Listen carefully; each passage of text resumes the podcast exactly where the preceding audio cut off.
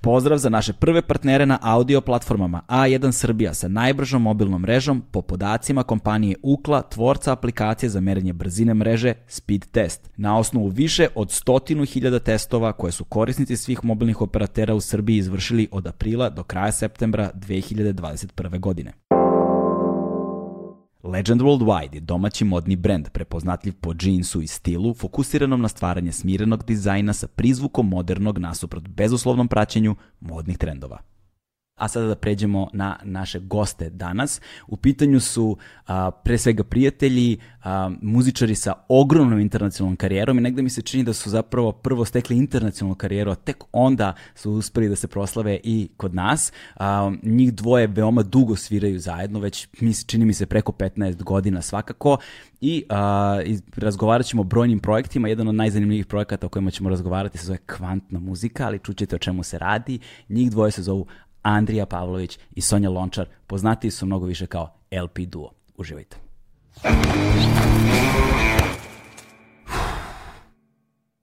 Hmm.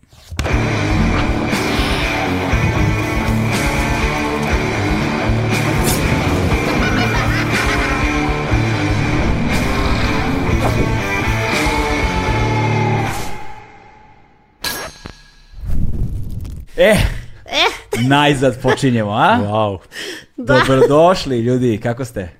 odlično. odlično. Baš Hvala na pozivu. Ovaj, a, ne znam odakle bih počeo razgovor sa vama, pre svega am, da znate da ste ovde među fanovima, čini mi se, svi smo veliki fanovi LP Dua i hvala puno na poklonu, dakle ovo je posljednji album Duality, je li tako? Jeste. Da. A, kad je ovo izašlo? U 2019. na jesen.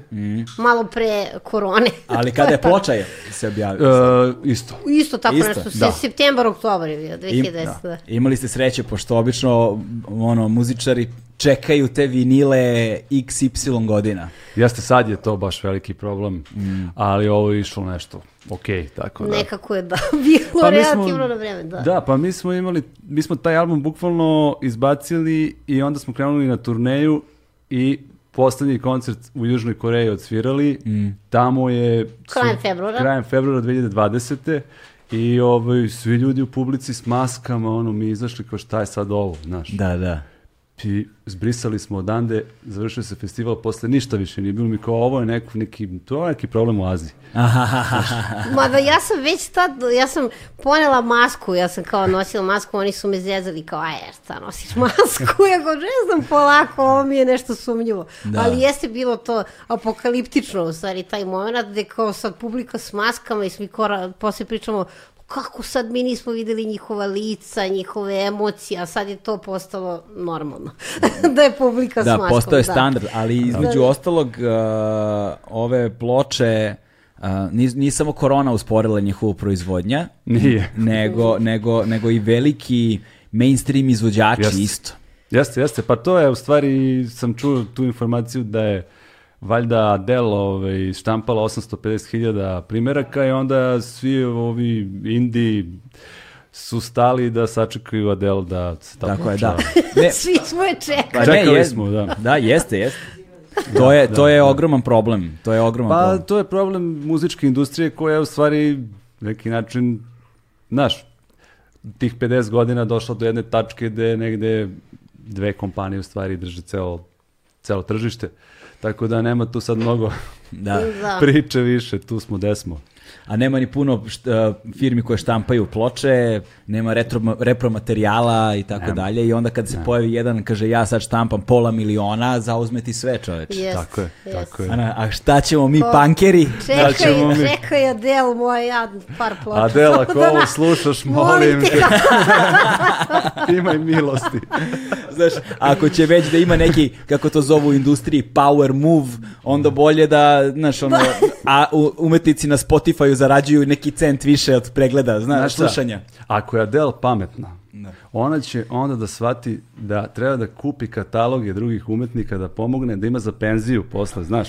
Kao što je Michael Jackson kupio Beatlese, pa sad to ovaj, što ističe, će- ali da. on je znao njega neko savjetovo kupiti, kupiti ovaj, Čekaj, šta, ne znam za Michael Publishing Jackson. rights i... Da, A, da, da, da. da. Čekaj, čekaj, Michael Jackson je kupio, on je to ne kupio, znam. da, da, ja mislim da je on kupio ovaj katalog Beatlesa i da zapravo ovaj, do skoro je to bilo, ne znam koliko godina je kupio. Jo, izvini, to Da. znam. To je Da, zapravo da, da. bio neki bif, neki sukob je bio među njima. Da, da. Neki sukob je bio da li između Paula McCartneya ili nešto. Jest. Šta je beši sukob neki bio i onda je, e, to je, e, to je Da. To je kurčenje. Kao, super, Znaš, daj da kupim. Kao. Znaš kako rešavamo kupiti.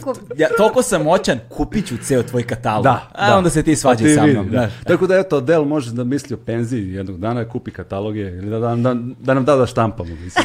Da, kao što sad recimo sukob između, čini mi, da, Taylor Swift i Kanye West. Uz taj sukob koji traje već ne znam koliko godina. Ispostavilo se valjda da je a, a, izdavačka kuća koja je imala fonogramska prava na i prvih nekoliko albuma Taylor Swift, ona je pokušavala godinama da otkupi ta fonogramska prava, oni nisu hteli, nisu hteli i onda su je prodali Kanye Westu koji je njeno ono Wow. smrtni neprijatelj i onda je ona sad ušla u, Jadno. sad ne znam gde se, pošto ne pratim baš, Da, ali da. onda je ona tih prvih nekoliko albuma snimila iste albume i gađala je da budu istovetni, ono linije pevanja, Jasno. sve, da bude potpuno identičan album snimljen u, iznova. A drugi fonogrami. Da, a drugi fonogrami, da. Sjajno. To je, to je, to je 70s style. baš. Da, ali to je zanimljiv fenomen, kao sad slušati recimo te albume, jedan paralelno slušati te pesme da čuješ razlike. Jest, jest. Kao, jest. znaš, Kao ona se trudila da bude isto. Da, zanimljivo, Da, da. ni- nisam to znala. Da, i Kanda Kođa Nebojša su snimili ponovo album. E, ono su kao sve Mhm, A, najveće jeste, hitove su imali jeste. kao ponovo snimljene. Da, da. Ali i ovoga puta, ali nije bio cilj da zvuče istovetno, nego oni su sazreli kao muzičari kroz godine, pa kao to je sad virtuoznije, valjda, nemam pojma, znaš. Da, da, da. Da, nisam to... Znaš, da. ali je zanimljiv fenomen, slušati sad kao sa muzičkog aspekta. Kao. Pa jeste, evo, ako, ako Sonja budi dobra, ako se nešto desi, ja pravim obrade LP duo. i... Ne obrade, nego da. ono, ponovo snimaš Sve. sve iz početka. Ponovo snimim Ali sve, a za jedan svoju klavir. deonicu. Da, svoju, da, svoju deonicu eksportujem, molim te, ajde izbriši mi ovo sve. ili, ili napravite a, neke, ne, ili napraviš neki klavir koji kao kada, svi, kada kako sviraš a, svoje dirke, tako analogno, kao paralelno Se svira. pomeraju drugi. Ne, svira na tvom klaviru nekako, znaš, algoritamski da se poveže. Može, može. Semplovat ćemo te. ne. Mislim, znaš, kao ovo je bio inside joke na kvantnu muziku, ali znaš, stići ćemo, stići ćemo, stići ćemo dotle. Pazi, imamo ogroman put da pređemo, ovaj, po, prosto nismo se videli dugo. Jeste. A, a i nismo nikada seli razgovarali prosto o vašem razvojnom putu i karijeri koja je, ono, ne znam, znaš, nemoguće velika, a ima tu toga i baš mnogo zanimljivog i sad razmišljam gde bi bila najbolja naš, naša početna tačka, znaš, da se krećemo i kroz muzičku teoriju i da se krećemo kroz vaše stvaralaštvo i vaše li, vi lične, ono, lično Evo ja putovanja. znam šta će Andrija da kaže, da reći SKC.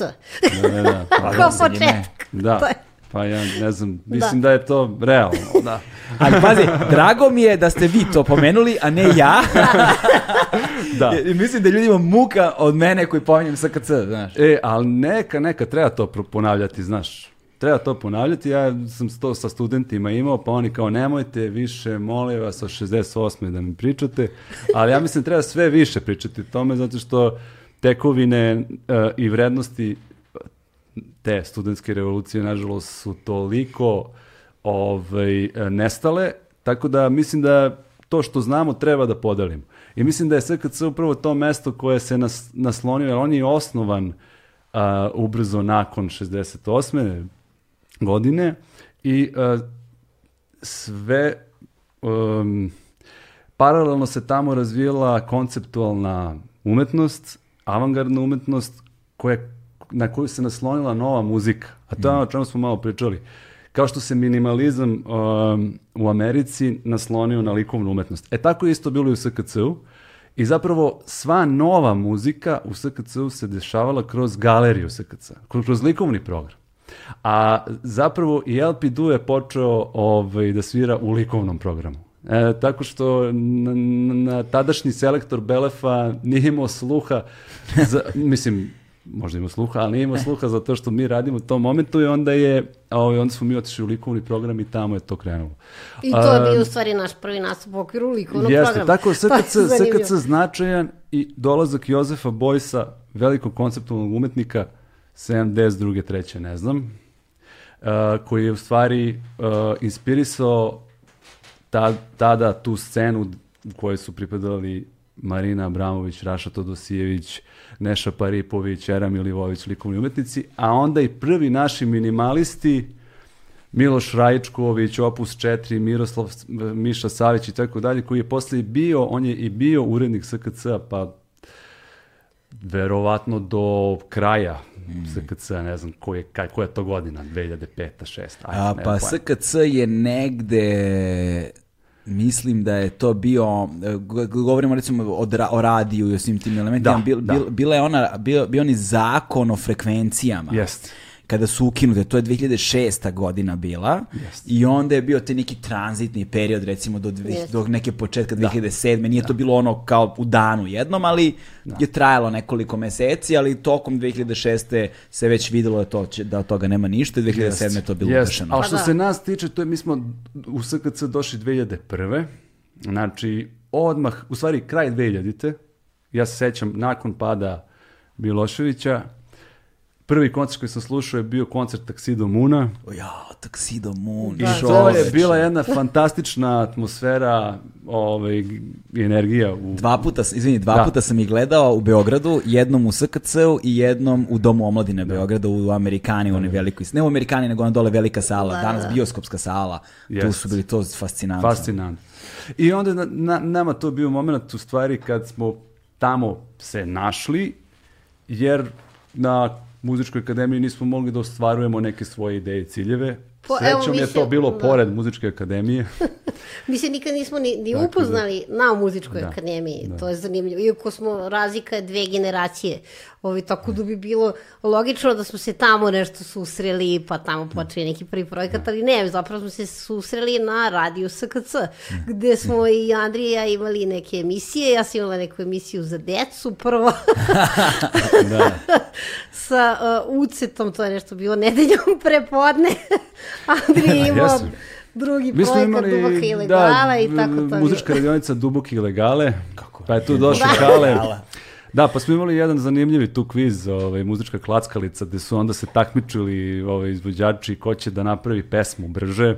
Jes, ja sam bila u, Dolazile, Dolazili su svi živi, Radomir Belačević, mislim, da, ali kažem, kad si je došao recimo 2002. čini, radio, je došao 2002. recimo. Mislim da je 2001. bila. 2001. ali leto. Znači, to je bilo nekih šest meseci. Da, kad je bio Pajsor, jest, jest. koja je to bila prva ekipa koja su ušli, jest. kako se beše, Vlada beše. Vlada, Vlada, Vlada, government. Da, ovi... Vlada čini mi se da je prvi yes. ušao. On je valjao diskove na berzi. E, tako je. On je valjao diskove na berzi i izvalio je da radio SKC im postoji kao na frekvenciji Da, da, to je Ali da tipa ide neki Prince of Disc ili nešto u krug po ceo dan, ide jedan ili dva CD-a. I da je došao kod ovo, kako se veše zvao, Slavko, Slavka Timotivića, koji je zapravo bio, on je inače istoričar umetnosti, kustosa, bio direktor SKC-a, divan tip, ove, i on je zapravo radio, vodio kao umetnički projekat Znači, radio se nikad nije vodio kao komercijalni, nego kao institucija ima, to je, kaže, umetnički grana sad, ako imamo galeriju SKC, imamo muzički program, ali imamo radio, i, ovaj, i zaista to, mislim, ono, svakodnevno se tamo dešavalo toliko toga u, u, u skrcu i, mislim, ja sam krenuo zapravo da se bavim performansom i konceptualnom umetnošću najpre. Čekaj, pričat ćemo o performansu, o svom otvaranju galerije u da, SKC, da, da. ali to će, do toga ćemo stići. ali evo, i onda sam vidio jednu fotografiju juče Mirola, mi, mi, mi, Mirola, Milorad, ja imam disleksiju. Milorad Stojković Dača kaže fotografija, o, o, on je organizovao koncert, on je 92. Party Breakersa, gde je bio Johnny Depp, Džarmuš i Kusturica. Da, da, da. E, stoj, je... Johnny, stoj. Tako je, da, da, da. I sad Dača stoji i ono zaklonio Johnny Deppa. Da Johnny Depp je znao stvarno ko, ko da radi dole nad berzi. Ploča. A tad je bilo vreme u kom nije ovaj, bilo tolikih razlika ovaj, kao danas. I ovaj, među ljudima. Pa evo, baš sam pričao juče sa, sa Bobom uh, i, i sa Bobom sam pričao juče, evo, sledeće godine je 30 godina od Rim Tuti Tukija. Da. -hmm. Ja se sećam, mene, mene majka vodila, išli smo u šetnju, imao sam 11 godina. Išli smo pored kamiona, oni, to mi je bilo fascinantno. Zaista. I to je krenulo sa SKC-a, da tako? Jeste, to je krenulo sa SKC i znam i ko je vozio taj kamion, moj Ranko, koji je inače bio posle tamo, jeli, glavni šef, ovaj, e, tako da oni su imali te prostorije, ovaj, vežbali, to je isto bila tradicija, znači i ceo Novi Talas, čini mi se, ili ne znam koji sve bendovi su vežbali dole u pod, podrumu, Od koje pa nadalje. Pa da. kasnije, I Arboli, i Arboli. i Sila, i Rambo, naravno, i da, tako. da, to da, je- da, to tako je- da to je isto bila tradicija, i Jeste. podrum je bio A na radiju, a na radio Podrum je SKC bio. počeo je Marko Nastić isto, svoj Jeste. studio je tamo imao. Jeste. tako je, tako je, da. jeste. Uroš i Đura Šazala Kazu, naravno. I oni su napravili međunarodnu karijeru Jeste. veliku. Jeste, jeste, onda Mnogo naša, veću nego ovde. Jeste. Onda naša rap scena, je li? Boš, da ne govorimo o tome tek. najbolja, da, definitivno. Ove, Ljudi, da- ljudi, ne znam da li ljudi znaju, ali ti si svirao sa Moskrijevim bendom Slatki krek. Jeste, jeste, to je bio Prti BG i Slatki krek. Da. Ove, imali smo probe, to je bilo fascinantno, zaista. Izgledali smo kao neki razulareni, to je Đura zvao, vi ste kao neko odeljenje, pa ono, o, vi ste sedite u prvoj i drugoj klupi, ovi pozadi. Mi smo izgledali kao neki razred. Ovaj. Ali to je bio onako baš jedan punk band i fascinantno je bilo zapravo da smo odsvirali koncert u velikoj sali. Prti BG, oni su došli na radio kad su slušali naš program, doneli CD, hoćemo da radimo, hoćemo da radimo, ajmo da sviramo, ne? I onda su se spojili Duboka ilegali i Prti BG, taj prateći bend je bio Slatki krek. Mi smo rasprodali koncert u velikoj dvorani, a da nije bilo reklame. Čak se neko setio dva dana ranije, joj, možda bi neki plakat trebalo crno-beli, pa su nešto okačili, ali bio neki oko toga, bio neki događaj to. I zaista je Moskva bio fascinantan tip. mislim. To. Ali pazi, ka- kažem, znači, kad govorimo o toj progresivnoj um- umetnosti, e, malo pre ste, malo pre si pome- ste pomenuli Marinu Abramović, ona je, ona je počela u SKC-u. Bukvalno tako, da. Mi, mi da smo neka metropola prava, nama bi, mi bismo imali, ako ništa, barem spomen ploču ono, na Jeste. SKC-u, ovde je Marina Abramović Jeste. počela svoju karijeru.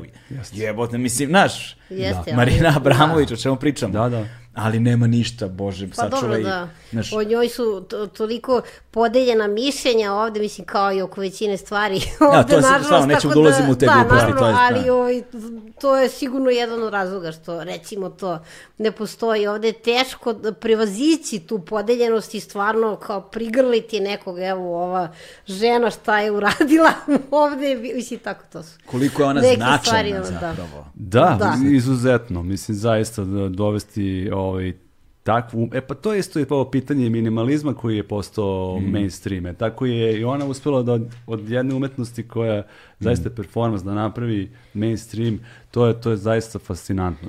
I da napravi fas- fantastične radove umetnički. Ali hoću kažem, eto, a Sonja je svirala sa Jarbolima već uveliko i sa Silom i sa i Plejem to vreme i Dobro, si plenu, To što je stvarno bilo- kratko, ali i Arbor i Sila, da, da, to je. to je bilo zaista bilo- fascinantno. Da, davno je to bilo. I kako ste se vas dvoje zapravo, ono, koji je bio taj trenutak kad ste se vi prepoznali?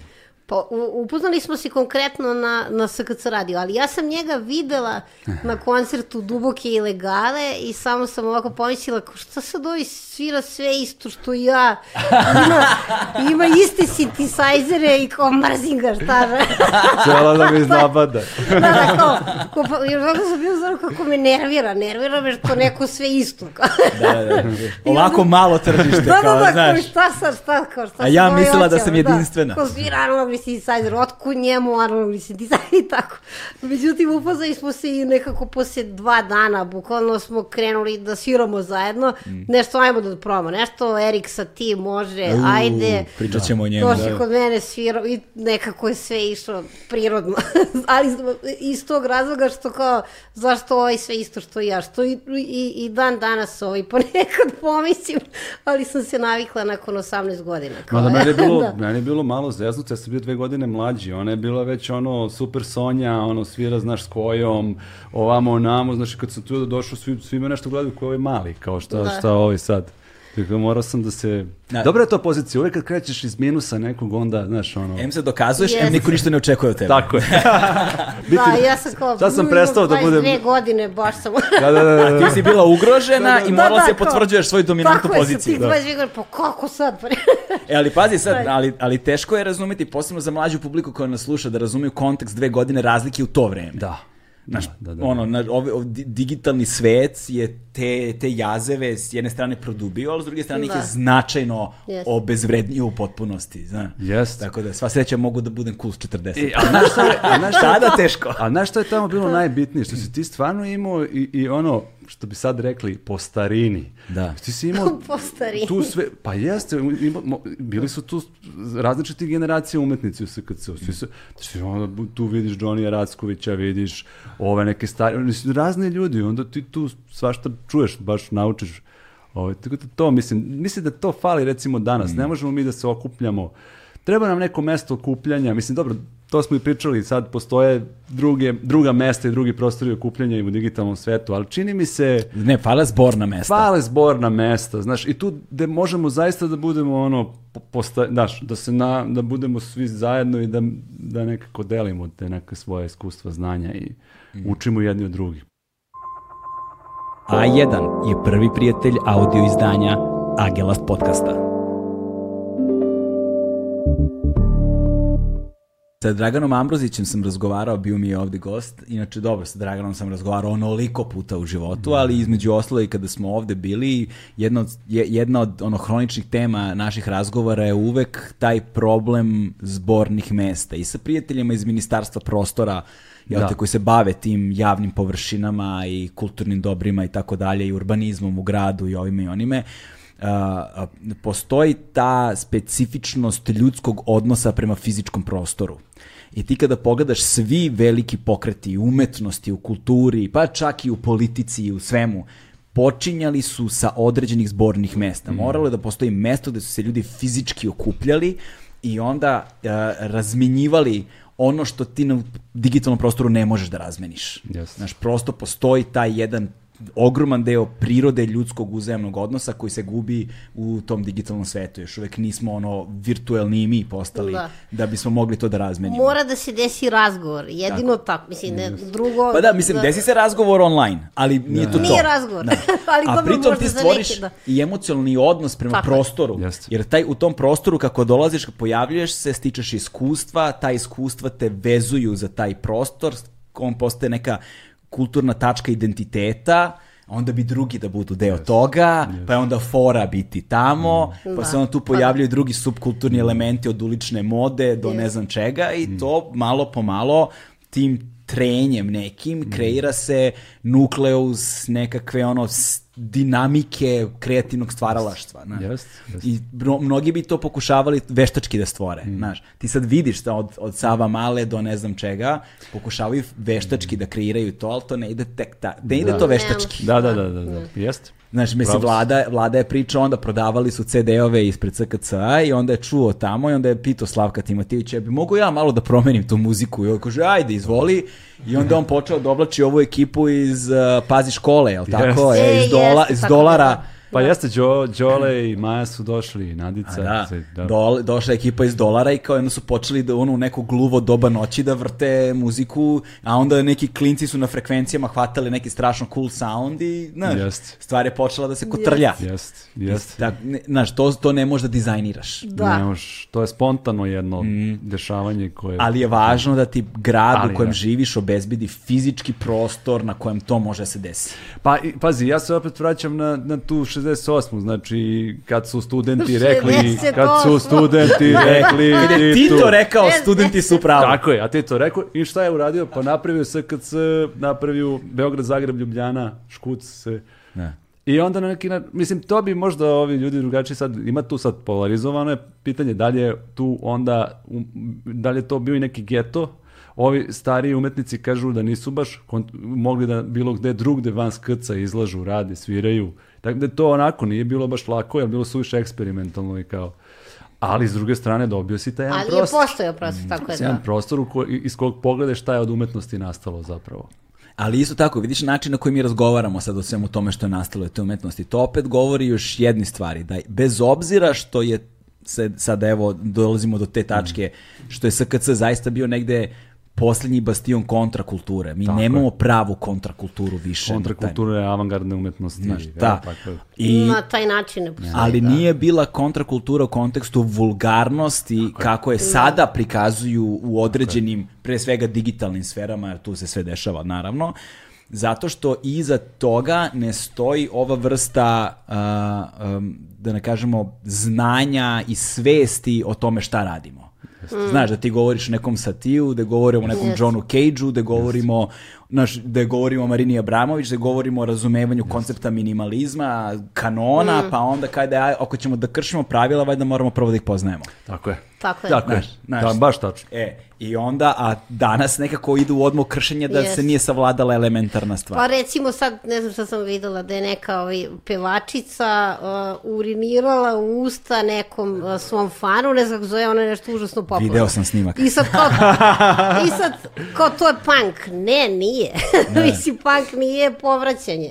punk je kao nešto malo drugačije, ali to se sad izgubilo kao šta je zapravo, samo ostaje su neki ti uh, površinska neka, u stvari, uh, prezentacije nekog uh, buntovništva koji uopšte nije uh, de, delikvencija kao takva. Ili kako god se to već zove. Ne, Nije to ne- buntomište, to je Pa strada. Je. E, ali sada se Estradno to... ponašanje estradno radi ponašanje, da. privlačenja pažnje isključivo, a nije sa stavom nekim, mislim to možda... Pazi, kad govoriš recimo o kulturnoj apropriaciji, na primjer, kada govorimo, ti sada imaš i sad kad govorim u tom, sad, sad, da, sa, u strahu da zvučimo pretenciozno, znaš, umnožavanje jezičkih diskursa, jel te, to je Baudrillard govorio, odnosno u tome da se brzo smenjuju, tre- smenjuju trendovi. trendovi. Znači, kad govorimo o brzom smenjivanju trendova, zahvaljujući digitalnim tehnologijama Da. koje su to omogućile, da je sada to lako dostupno i da ono, možeš skineš aplikaciju za 10 sekundi, napraviš nešto za 15 sekundi i otišlo je. Samim time svi mogu i brzo se to dešava. Ovaj, odno, gubi se taj odnos uh, sadržine i forme. I onda ostaje samo forma bez sadržine i onda to brzo smenjivanje formi je u suštini.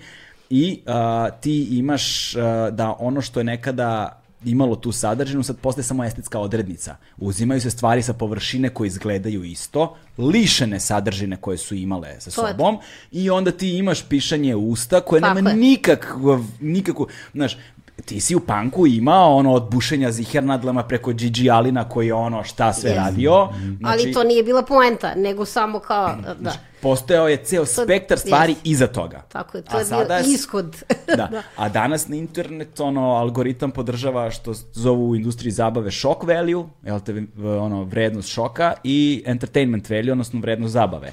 I kad spojiš ta dva, to donosi klikove, klikovi donose pare i završili smo. Da. Jeste, tužnjikava je Jednostavna to. priča, da. Tako si, tako si u trendu, tako Da, si da. u trendu, znaš, Da. a nema ničega iza što će taj trend da opravda. Da, da. I tako dolazimo Da. do situacije u kojoj se nalazimo, znaš. Pa mi smo pričali o tome ovako malo neformalno, u stvari o, tom, o toj ideji, o tom, e, kad ti počinješ da shvataš da si ti deo jedne civilizacije koja traje iza tebe koliko, mislim koliko, i kad uviđaš, kad malo nešto zagrebeš pa vidiš da, da su neke stvari i, e, i u srednjem veku bile slične kao danas što se tiče muzike, trubadura ili u antičkoj Grčkoj itd. Evo ga, itd. profesor. Da. Pa dobro, Ina, da. inače da pomenemo samo, oboje ste profesori na univerzitetima, na fakultetima, Jesmo, da. a, na muzičkom fakultetu Ja sam vanredni profesor na Fakultetu muzičke umetnosti, pa već 13 godina. 13 godina sad. Bo- da, dosta dugo već. A ti da. si u Novom Sadu. Sam u- Novom Sadu na, e, to je osek za scenski dizajn na Fakultetu tehničkih nauka na arhitekturi. Wow. Zvuči baš... ali, ali predaješ nešto vrlo specifično umetnički, što na izgled nema mnogo praktične primjene sa onime što uh, klijenti studiraju. Nazovimo tako. e, Ali samo na izgled. Pa ja sam nekako rekao da zapravo ta škola čini mi se meni lično, mada ne znam da li će se složiti ti ljudi, ovaj, e, moje kolege, ali mi podsjeća na, na, na umetničke škole koje su 60-ih i 70-ih postojali, iz kojih, gde su se okupljali e, kao na primjer, spomenuo sam Dorsi gde na UCLA-u, oni su bili u, u školi za film, a zapravo nisu se bavili filmom, jeli? Tamo su se našli i stekli su neka šira znanja da bi našli svoj neki put dalje. Čini mi se da ova škola me podsjeća dosta, e, dosta na to. Pre svega je vezana za scenske umetnosti, za pozorište, ali i za likovnu umetnost.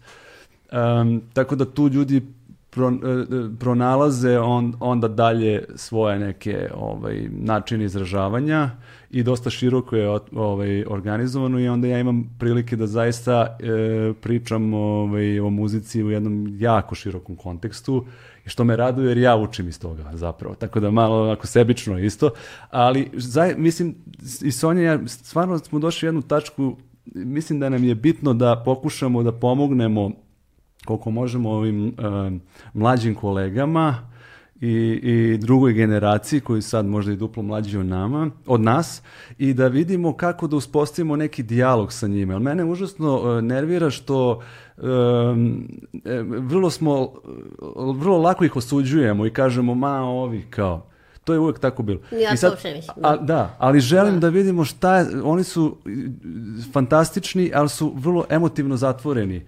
E sad, možda neće da nam se otvore iz nekog razloga, ajde da vidimo kako da mi uspostavimo neki... Što nije nelogično, koliko da. si se ti otvarao svojim profesorima kad si imao 19 godina. Onako. Jeste, jeste, mislim, da, to, to, to, to treba tako posmatrati. Jeste, da. ali mislim da upravo je rešenje u tome, mislim kao što bi i medicina trebalo da bude tako i prosveta, znači okrenuta ka čoveku i da ja stvarno znam, ja te kad tebe pitam, ti sad dođeš i kijaš ili ne znam šta, ja ti kažeš, ba šta si, čekaj, pratim tvoj život, tvoj, tvoj, tvoj, tvoj rast, pitam te, pa dobro, šta je bilo juče, pa kako sa ženom, je li sve u redu, pa kako se osjećaš, pa onda ja mogu da dam neku dijagnozu, razumiješ, mislim tako i u prosveti isto, da vidimo mi, to smo malo prepričali, pa ne možemo mi da napravimo od svakoga pijanistu, ono, da bude ono, po onim stan, parametrima ruskog pijanizma, jedan samo tu ljudi puno pucaju posle, nego ajde da vidimo ko šta može, ko je zašta ovaj, stvoren, da mu da. priđemo, da pokušamo, a naravno na, na, na njima je da, na svakom od nas je da onda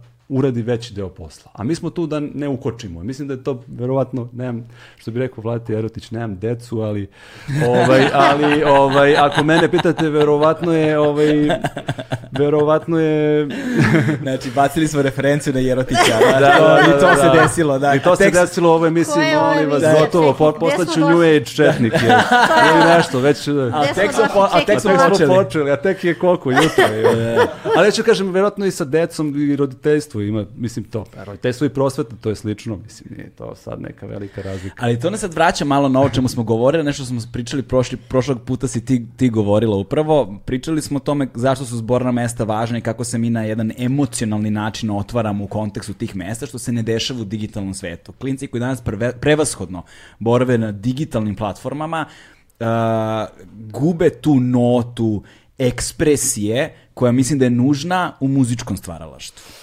Pa, uh, iz mog iskustva, mislim, e, e, ja sad, znači, koliko je, 13 godina, osjećam razliku poslednjih 3-4 godine, baš u tom emotivnom E, izrazu koji je onako sve stegnuti. Mislim, dobro, sad tu ima veze i što je bila i ova korona i svi su sedeli po kućama, ali osjećam da je njima je stvarno frka da, da, da ispolje neku emociju, kao plaše se neke emocije, čugo onako po neki misle da to nešto nije dobro za njih, kao što bi sad ja ispoljavao neku emociju, pa kao daj, to je poenta toga čime se, evo recimo, ja bavim na, na svom predmetu je da vidimo šta je taj čovek, šta ima iz sebe da da, da, da jer svi sviraju, svi vežbaju, ko je više da. vežbao, sviraće bolje, mislim, to, takvih ima milijardu na da. planeti i to nije cijela poenta.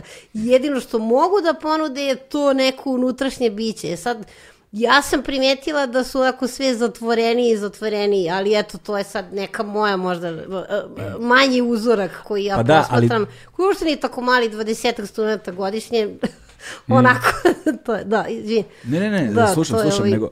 Uh, po, po, zato što uh, ono što sam primetio se dešava ne samo u muzici, u svim op, delatnostima života, šta nam je internet doneo. Klinci danas brže savladavaju sve što je tehnički.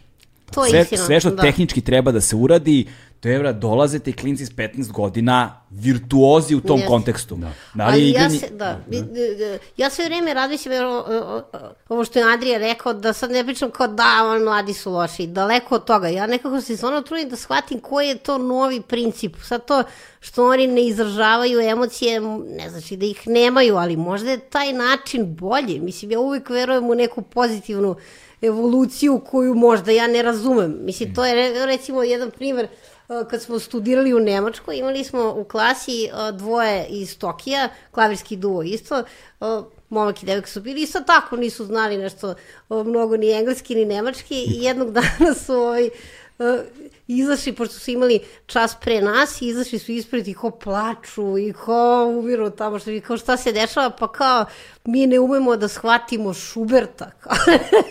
I sad to je meni bilo zanimljivo, kao no mi ko Šuber, pa to neki romantizam, nama to sve ide nekako prirodno. I oni su tako plakali, plakali danima, mi smo s njima tamo morali da vodimo ih na pivo, da, kao, da popričamo o Šubertu i u stvari sam tad zapravo prvi put shvatila kako izgleda kada neko ima drugačiji uh, izraz emotivni i u stvari drugačiji jednostavno struktura kao ličnosti i to je jednostavno drugačije postavljeno.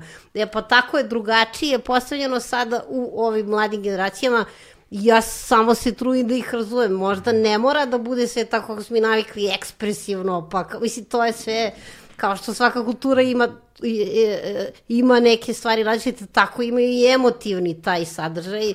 I to je tako zanimljivo. Pa Učimo od njih, da. ali e, ne mislim da je lošije, samo onako mislim da je prelaz trenutno. Mislim da smo baš na prelazu i da će zapravo to što se menja možda biti tek bolje i imati smisla za kad već nas ne bude bilo. Jeste, i to si To u je- pravu, i ti si da. rekao, mi smo most kao ovima ovamo. Da, o, o, o, ja sam pre neki dan sedeo u svojoj zgradi sa tri bake, jedna ima 94, druga, njena sestra 88 i njihova drugarica 84. Uh, doselili su se u zgradu 40. godine. I sad one pričaju, nisu se videle 60 godina. Ovo je kao, početak nekog vica. Da, a nije. Sa, da. Ili kao, ili Haneke ovog filma, znaš. Jeste. I, I sad, pošto smo supruga i ja u toj zgradi najmlađi, ove, i tu smo se mi našli, kakav razgovor, kakav i intelektualni, kakav, mislim, kakav razgovor s njima. Drugo, šta su one pričale, kako je Beograd izgledao 40-ih za vreme rata, šta se tu dešavalo, gde je pala bomba tu u blizini, šta su, kako su se one igrale, kako je to sve izgledalo. Znači, ja sam samo sedeo i slušao ono sat vremena, mogu bih svaki dan, jer to je to, oni nam daju sad taj, tu refleksiju nečega, priča žena, recimo, pazite, sad u, u- imamo jeli problem kese, plastične, ambalaža, sad evo još jedna tema, mislim ima toliko tema. On Ček, kaže, dođe, dođe, dođe ovaj, e, ujutru mlekarđija, ti izneseš šerpicu, on ti sipa mleko, kaže, jeste to malo zvuči kao neki deranžman, ali, bože moj, mislim, nisi na, napravio ono đubreta onoliko, mislim, nego uživance. Tako da, a, ti ljudi su skroz skrajnuti. I mislim da živimo u kulturi koja, koja zapravo iz lažnih raz- razloga favorizuje mladost isključivo, jer je mladost potrošnja, Jeste. a starim ljudima ne treba mnogo. Oni su srećni sa onim što imaju i da da izdrže još, znaš, što duže živiš, rekao bi jedan moj prijatelj Boško Mandić, što duže živiš, više ti se živi, razumiješ? Da, to je Tako zanimljivo. da, eto, to je isto... Ali ovo je super što si rekao, da, mladi, mlađi više kupuju. Da. Pa da, oni su, pa to i znamo iz muzičke industrije, isto i cela popularna muzika i kultura je, kako je počela, zasnovana na, na čemu? No, ovaj baby boom generacija posle drugog svjetskog rata, jer je tu optimizam veliki, rađalo se puno dece, izvršio se rat i onda je e, slobodno vreme i u slobodno vreme treba kultura. Da, imali smo i mi Da. jedan kratak period baby booma nakon pada Slobodana Miloševića i mislim da se Jel to tako? prema Da. statistikama iz tog, kako se to zove, zavod za uh, statistiku, valjda šta Da, god, da, pa da, ima da, taj kao natalitetu, ovo ono, i tačno se videlo nakon pada Slobodana Miloševića do ubistva Đinđića tih nekoliko godina je bio skok zato što je bio taj neki novi optimizam, nazovimo ga na taj način. Kao posle svakog rata. Ali opet, a da, ali s druge strane, tako, da. socioekonomski faktori igraju ogroman, ogromnu ulogu u tome što si govorio. Jeste. E, možemo da govorimo šta hoćemo o razvijenim zapadnim zemljama, ideološki, s aspekta poznog kapitalizma i imperializma, postkolonijalnih odnosa, bla, bla, bla, bla, znači ima tona toga što na teret možemo da im stavimo kao kulturi, civilizaciji, ali da stavimo sve to po strani, u razvijenijim zemljama a, treće životno doba s razlogom zove zlatno životno doba. Ja sam putujući po nekim od tih zemalja upoznavao starije ljude, govorimo o ljudima 75+. Plus. Ovaj, gde mahom to je su putovanja, a, savladavanje novih veština, idu na tenis, upoznao sam jednog matora u Houstonu koji je sa 77 godina počeo da svira banjo, da uče, od uvek je želeo u Teksasu sam ga upoznao, u Houstonu, Houstonu sam ga upoznao, banjo je od uvek želeo da svira i sad ima neki band, oni sviraju neki Irish nešto, čak sam i otišao, čak smo otišli kao da čujemo, znaš, kao tu njihovu muziku, ovaj, odnosno dobio sam CD, ovaj, la, lažem, dobio sam CD, i kao, znaš, svire, sad, znaš, da ti gledaš njih i, znaš, i vitalni su i šta ti ja znam, a ovde kad odeš u penziju, čekaju da umreš. Yes. jest. Čekaš smrt. Ako imaš 70 godina i sve zube, uš, banja. Čitao sam neki tekst uh, koji je zvanična statistika bila da, a, ne znam, 80% naših penzionera ne može da priušti drugi par cipela. Ma da. Znaš, to je stvarnost u kojoj mi živimo. Strašno. Znaš, tako da, Da. nije samo Nije. mladost kao potrošnja u tom kontekstu. Da. Ima mnogih drugih faktora koji utiču na skrajnutost Naravno. starije generacije Naravno. na našim prostorima i samim time posledično nemanja poštovanja prema njima i odnosa prema njima. Zato što su oni kao nisu uspeli. Ti, znaš, na neki način stoji to kao... Ili nisu relevantni. Ili nisu relevantni, Da, da. znaš, i onda je to baš... Ali vidiš, a vidiš što su kažeš, a u Japanu, Znaš, mislim, koja je kultura drugačija potpuno, a ovo Dobro, što... oni rade do svoje 85. godine. Mislim, meni je zanimljivo, kad smo bili u Tokiju, uh, svi taksisti su 70+, plus, zato što oni zapravo odu u penziju i onda kreću da rade kao taksisti. I to je meni bilo mnogo Ako naši, evo simpatično, tako nas trend isto vozači autobusa, Da. isto plus 70 je. ali to je bilo. Da, I svi imaju onaj... Uh, miljeja heklana ovako pre i svi su motori kao, to je super dede nešto Japan je To divna kultura, stvarno tamo kad smo svirali, i to je toliko, to kak, takvi su oni domaćini nekako i sve, ali apropo emo, emotivnog izražavanja, uh, nema tamo improvizacije. Mi iz- izašli na koncert, ja sad pred, pred koncert kažem, možda ću jednu rečenicu da, da kažem, da najavim, čekaj, kako? Ne, moramo to da vidimo sad. I kaže, stani ti tu. A? Dolazi neka žena, sad, će on, sad ću ja njoj da kažem, pa će ona da prevodi. Ali moram ja to njoj da zapišem šta će ona da... Ne, znači, nema tu sad kao opušteno nešto. Da. Ali fantastično, mislim, zaista kultura neka neviđena. Došli smo do Japana, Došli smo sjajno. da je pa... Ne, ne, ne, čekaj, svuda, svuda ćemo, znaš, ja sam smislio neku strukturu, ali vidim ja da to će, ode to da se prozor. to ljulja, ljulja. Nego, smo kao Ne, ovo je keđovski Kao- razgovor. Znači, E, ajde onda da mi da stignemo polako. Da, ajde mi da stignemo polako do tog cage jer uh, sad, znaš, kako nazvati caso de Ah, sad ide najteži deo. Uh, kako objasniti vašu muziku ljudima koji sa vašom muzikom nisu upoznati u, u tom kontekstu? Dakle, minimalizam s jedne strane, uh, naš sad neoklasicizam. imate, ima, imate strahovite uticaje uh, um, uh, savremenih subkultura, ono, poče, posebno tih 90-ih, ranih 90-ih, uh, elektronske muzike, trip hopa, tako dalje, ali ima i ogromnog elementa eksperimentalnog zvuka, što će nas dovesti negde, pretpostavljamo da će, priš volio bi da nam to bude posljednji segment razgovora, ta kvantna muzika Da. kojom, koj, kojom se bavite ovaj, i kao stići ćemo do toga. Taj minimalizam da počnemo od njega negde. I sada govorili, s- malo pre si ti pomenuo i poričili smo o tome da ne, nema, ni, niš, ni- nema ono kreacija ex nihilo, jel te, ništa ne nastaje ni iz čega i kao, i sve se naslanja na nekakvu tradiciju, nekakvu kulturu i da mi zapravo smo na jednoj tački civilizacijskog razvoja koji traje i traje i traje i traje. Znaš, možda u kontekstu eona smo ono trepta i oka, ali u kontekstu ljudskih života mnogo.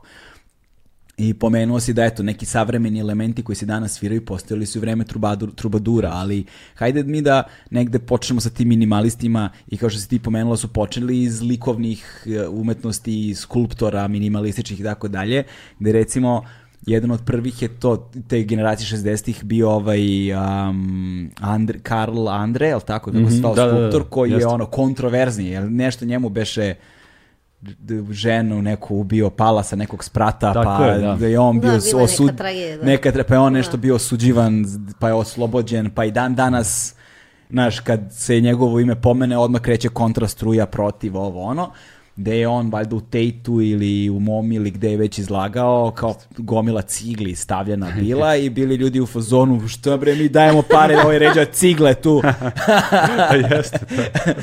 Isto, isto, da, i, I on je zapravo ta njurška struja, to je sad ta East Coast, West Coast beef, jel te? Da, da. ovaj, koji je postao svet umetnosti.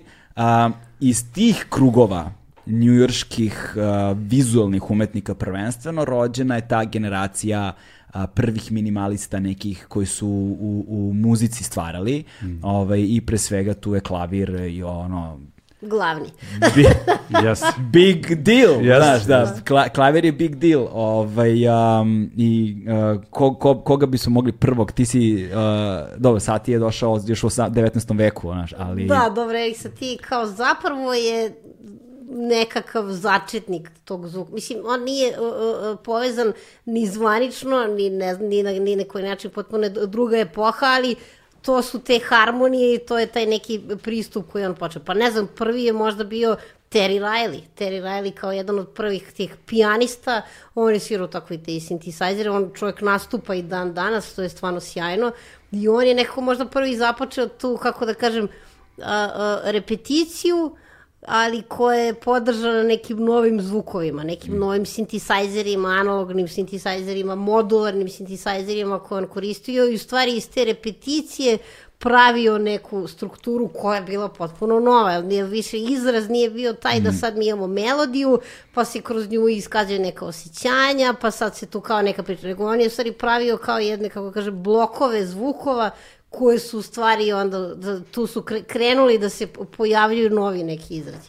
Eto, ne znam, Pa, posle, da. Jeste, ali ja mislim da su, tu, evo da povežemo, Da. Erik Satie, on je čovjek koji je Sad ćemo da povežemo.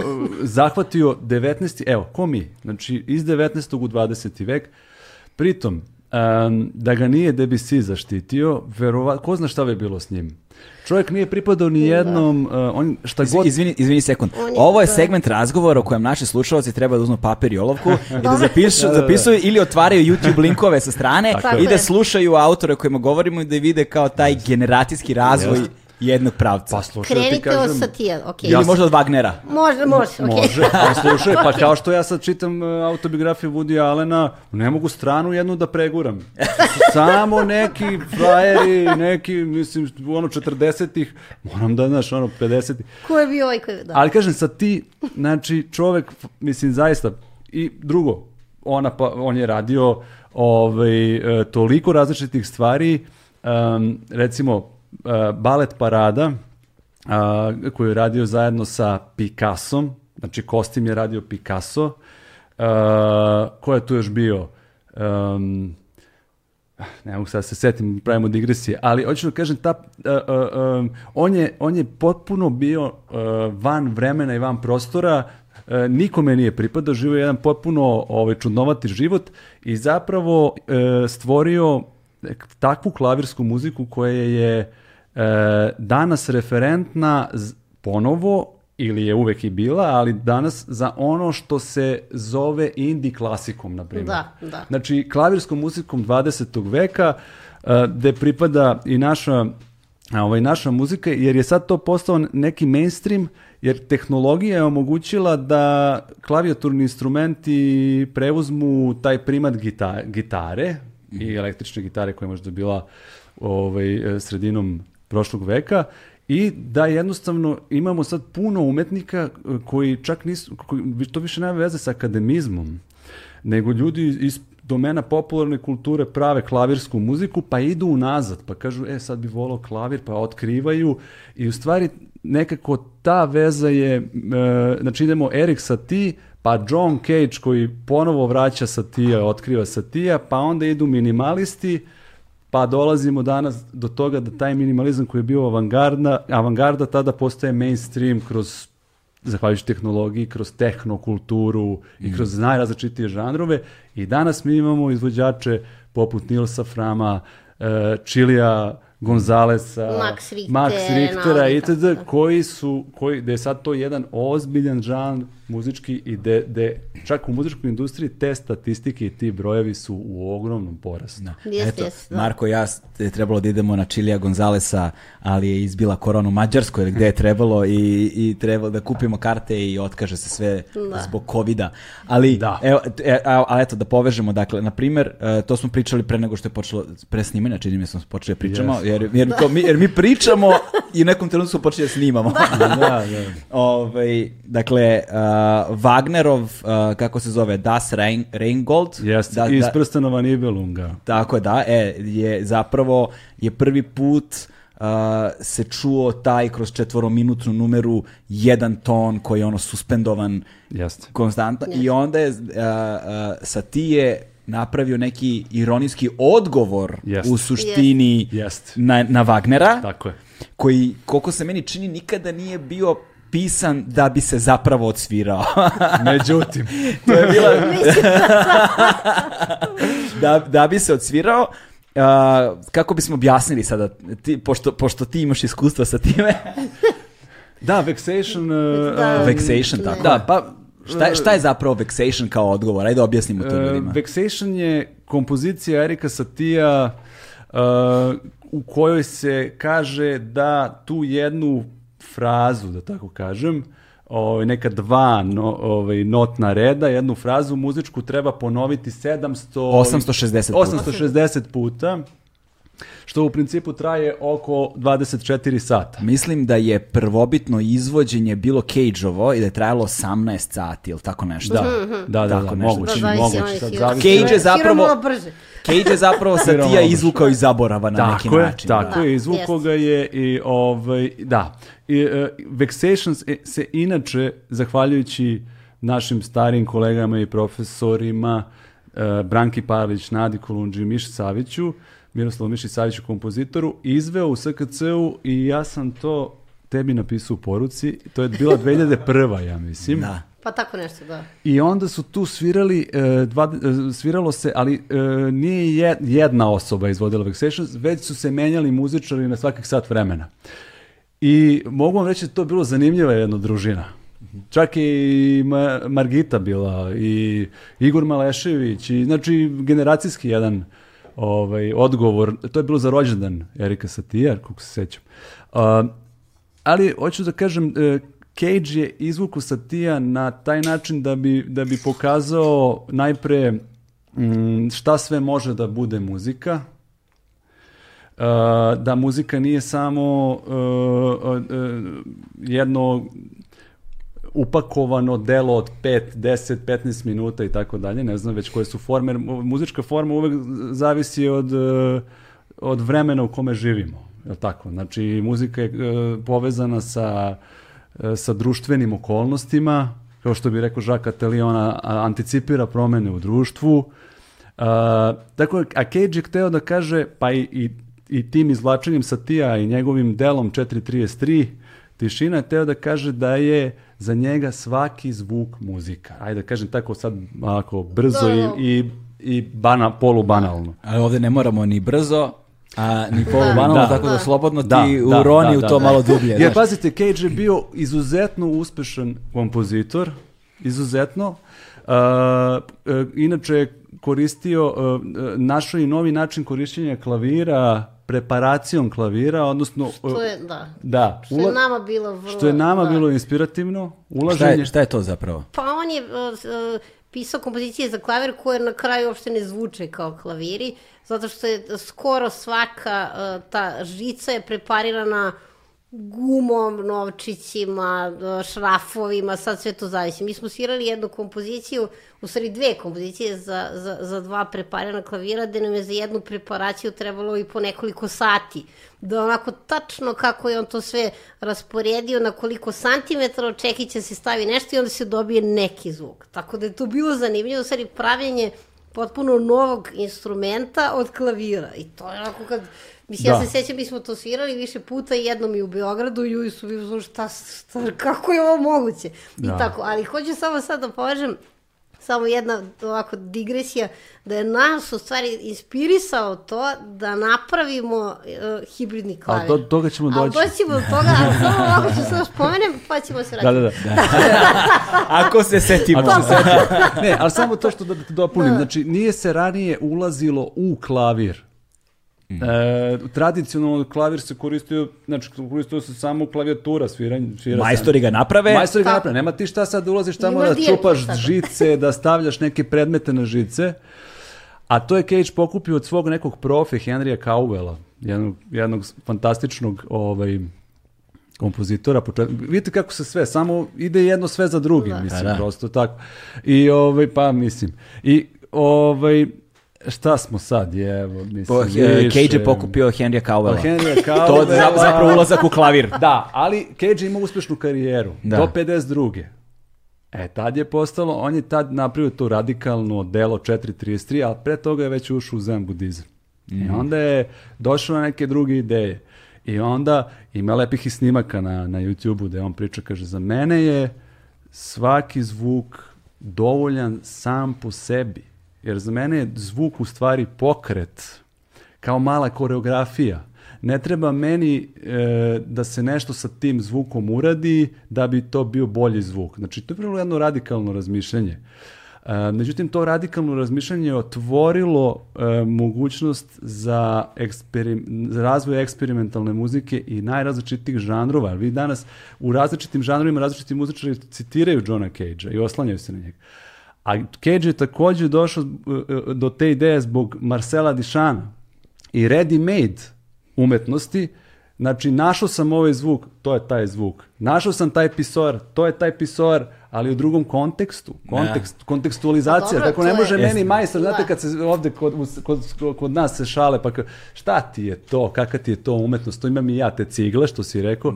Pa jeste frajeru, ali nisi ti te cigle stavio u kontekst. Da. Ti imaš Pa te dobro. cigle na tvom placu, ali šta me, ko to znaš, koga briga što ti imaš cigle. Da, to je sad ono kako, ka- kako prosječno i neobrazovanoj osobi objasniti. O, To vam je ono kad vidite kao crveni krug na belom platnu i prodo ga za 5 miliona. Da, da, da, da. Znaš, kao- Japanska zastava. Da, da, to je ovaj... E sad, znaš, treba objasniti Cageov 433, treba objasniti Dišanov taj ready made, znaš, treba objasniti ceo taj, sad to, taj potez ono od avangarde, postmodernizma. Ti si šahista, ti bi igrao sa Dišanom. Znaš da su Dišan i Cage igrali šah? Recimo, oni su E, da, tako da. prijateljstvo imali. Ima par tih njihovih fotki iz taksi, igraju šah i tako, bili su baš bliski prijatelji. Takvi ljudi su morali da budu bliski Da, prijatelji. da, više. da. Znaš, mi možemo slobodno kažemo da savremena muzika i umetnost u velikoj meri u og- mnogo duguje Cage-u. Znaš, eksperiment, e, gomila eksperimenata u, u e, gomila eksperimentalnih stvari koje su doveli do novih tendencija, dakle tog nekog naš muzičkih podkultura ne bi postojali, pre, prvenstveno govorimo o elektronskoj muzici na primjer i tako da ne bi postojali bez te ekipe. Yes. Jer posle njega je došla ekipa koja je ono ka, uh, It's Gonna Rain, jel te, Da. naš repeticije, Yes. fraze Da, da, da. koje se ono dv- dva tejpa Jeste. koje se onda miksuju pa se idu u off faze, znaš i tako dalje. Jeste, on je dao slobodu, ono, To je- kao takozvanoj umetničkoj muzici i od tad ništa više nije kao što je bilo. to je definitivno tako da. Pa da, inače bismo je- šta? Inače bismo vjerojatno koristili samo temperovane instrumente ovaj, da nije Cage-a, mislim, vjerojatno bi ne bi koristili druge instrumente, ne Pa bi dobro, koristili da. zvuk kao instrument, zvuk kao sem, kao to što to, kažete. To, to je bilo zanimljivo. uh, Kakva bi uh, bila muzika da nije bilo Johna Cage-a? Da. Šta bi se Da, desilo? Da. onda bi to bio neki post-post romantizam, išao bi taj romantizam ne znam dokle. Više ne, pa ne, pazi, ne znam. ali tu pa je- bi se možda vraćao u neki... Do nekog zasićenja dok neko Da. ne bi pukao i onda A napuo opet bi morao se pojavi neki Cage. Da. Morao bi, morao. Ne, do, definitivno bi morao. Samo se zalomilo na ovom Jeste, Cage-u. jeste. Pa bilo je ideja serijalne muzike do dekafonije, sad početak 20. veka, Arnold Scheming, austrijska škola muzike i Da. jedna ideja muzička da je zapravo atonalnost i, e, de zapravo svaki kao demokratija među tonovima, znaš? Da, Kako bi to objasnio? Znači ti imaš sad kao u harmoniji muzičkoj e, imaš kao e, stupnjeve. I koji je stupanj bitniji. Znaš, kao ovako u politici, kao u društvenom uređenju. Ti kad pogledaš muziku, ono ima neko, ima, može da se preslika u društveno uređenje. Ili kad pogledaš No, orkestre... neka pravila, kao. Tako je, Kao to je, to je Da. Cage govorio uvek, kaže, a, a, a, kompozitor to je predsjednik države, a dirigent je premijer, znaš, a ovaj orkestar je narod, znaš, i sad oni kao, ovaj, Meni se za dirigenta mi se dopada, znaš, kao svi muzičari sviraju instrument, a dirigent svira orkestar. da, da, da, da, da. pa jeste. Tako da je bilo tih ideja i, ta, i e, da, da ne ulazimo u tu priču, ajde ljude, da ne, da, da ne zamaramo s tim, Ne serijalna zamaraš, muzika. mene, mene zanima, reci. Da, da, da, ovaj, em, To ti iskad nekad druga tema, taj To je simbolizam. neka pa druga kao što tema. Kauzen, pa Šember, Jeste, pa to je neka druga struja da koja je želela da radikalno promeni muziku u tom, ali šta je problem s muzikom? Muzika zahteva slušaoce. Jer muzika ne može da postoji bez slušanja. Znači nije samo sviranje i to smo pričali ono prva podela rada, ritual, prvo smo svi igrali i pevali, a onda si ti rekao, Igrali e ljudi, pevali." ajde vi igrajte i pevajte, ja ću da promišljam, da pričam i da vas gledam pa ćemo i Da, tako. da. I onda to prva podela rada. A onda su provalili da vidi ovaj što dobro igra, a vidi ovaj što dobro peva, aj ti ne, zvu- ne pevaš baš dobro. ti iz dve leve noge, aj se skloni i znaš, i počeli su da se dele ko će da pleše, ko će da svira, ko će da peva. Jeste, tako da ne budemo skroz unfair, znači mora e, muzika i da dop, mora, moraju ljudi da kažu, u, ovo mi je, uh, znači mi, želim da slušam ovo. Mislim, nije... E, tu dolazimo, ove- ali da, tu dolazimo do onoga što je sistem obrazovanja, što Jeste. govori o tim, opet se vraćamo te socioekonomske faktore u jednom narodu, u jednoj Jeste. kulturi, u jednoj zemlji. Jer ti ne možeš da imaš jednog Johna Cage-a, na primer, u jednoj zemlji u kojoj ne postoji publika koja to možda razume. Tako je. Znaš, Tako evo je, recimo da. ako govorimo o 4.33, numeri koja mislim da je stavila ono poslednji ekser u kovčegu svega, gde se zapravo, gde, znaš, za ljude koji ne znaju, ajde, ajde samo objasnimo prvo, ljudima koji nisu nikad čuli za 4.33, Da. koji će sada odu na YouTube i da odlepe šta se desilo to. Neka pusti bilo koje izvođenje. Da.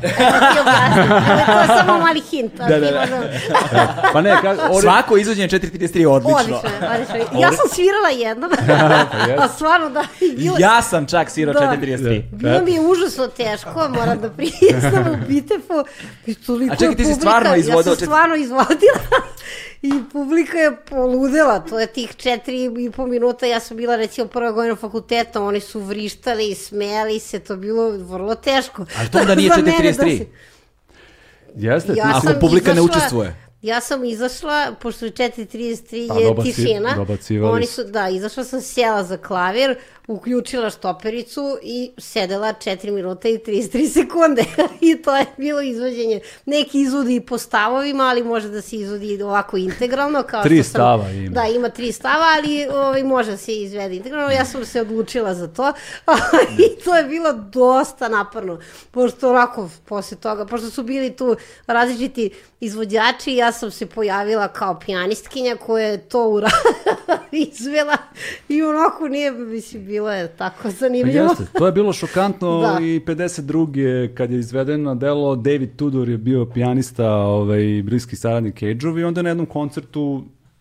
između ostalog, izveo to delo. I ljudi su bili u potpunom šoku izbunjeni. I nakon toga se menja Cage-ov i odnos prema Cage-u i on postaje jednostavno onako kao na neki način, uh, to nam je pričala i Nada Kolundžija pred kraj života. Cage je uhvatio, on je 912. rođen, 92. umro, skoro ceo vek i svašta je video. I kad, ona je, mu je nosila, Nada Kolundžija mu je nosila ploču u Njujorku i kaže da je bilo jako zanimljivo da uopšte nije komunicirao, da je posle nekog koncerta u Griniću, da smo isvirali, to je čuveno mesto za novu muziku u Griniću, dole kod 20, gde, to ko je 20 ulica. I ovaj, da je on bio skroz krajnut, niko nije s njim razgovarao.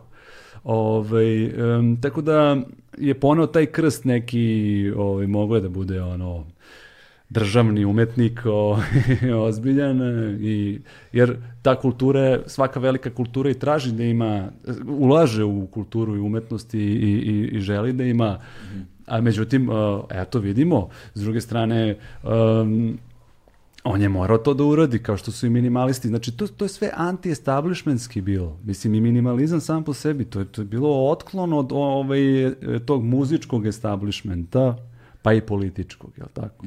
U to vreme, jer ne zaboravimo, to je u stvari rat u Vijetnamu i i, i, Pa i da, dakle, Dobro, tako, da. dakle tu, se, tu se vraćam kad si govorio o kontekstualizaciji s jedne strane i s druge strane o tretiranju muzike kao zvuka koji ne mora da bude ni u kakvom kontekstu, između ostalog. Recimo to opet polazi od tih ranih minimalista u njujorskih tih 60. godina u likovnim umetnostima koji su govorili da umetnost na kraju dana treba da bude kao stvarnost, prosto jeste. Znaš, i ne Jeste. moraš ti uvek da je kontekstualizuješ, odnosno ti stvarnost kada staviš u tu vrstu konteksta, ona dobija, transformiše se u nešto drugo u potpunosti, onda su to Je. muzičari preuzeli, ali oni su opet nastali iz tih kontrakulturnih, uh, anti-establishmentskih, hippie krugova, ono, drag culture, jel te, znaš, Da. sve, sve je to negde zapravo uticalo i veliki deo te umetnosti se uopšte nije razvijao kroz kanonizovane sisteme.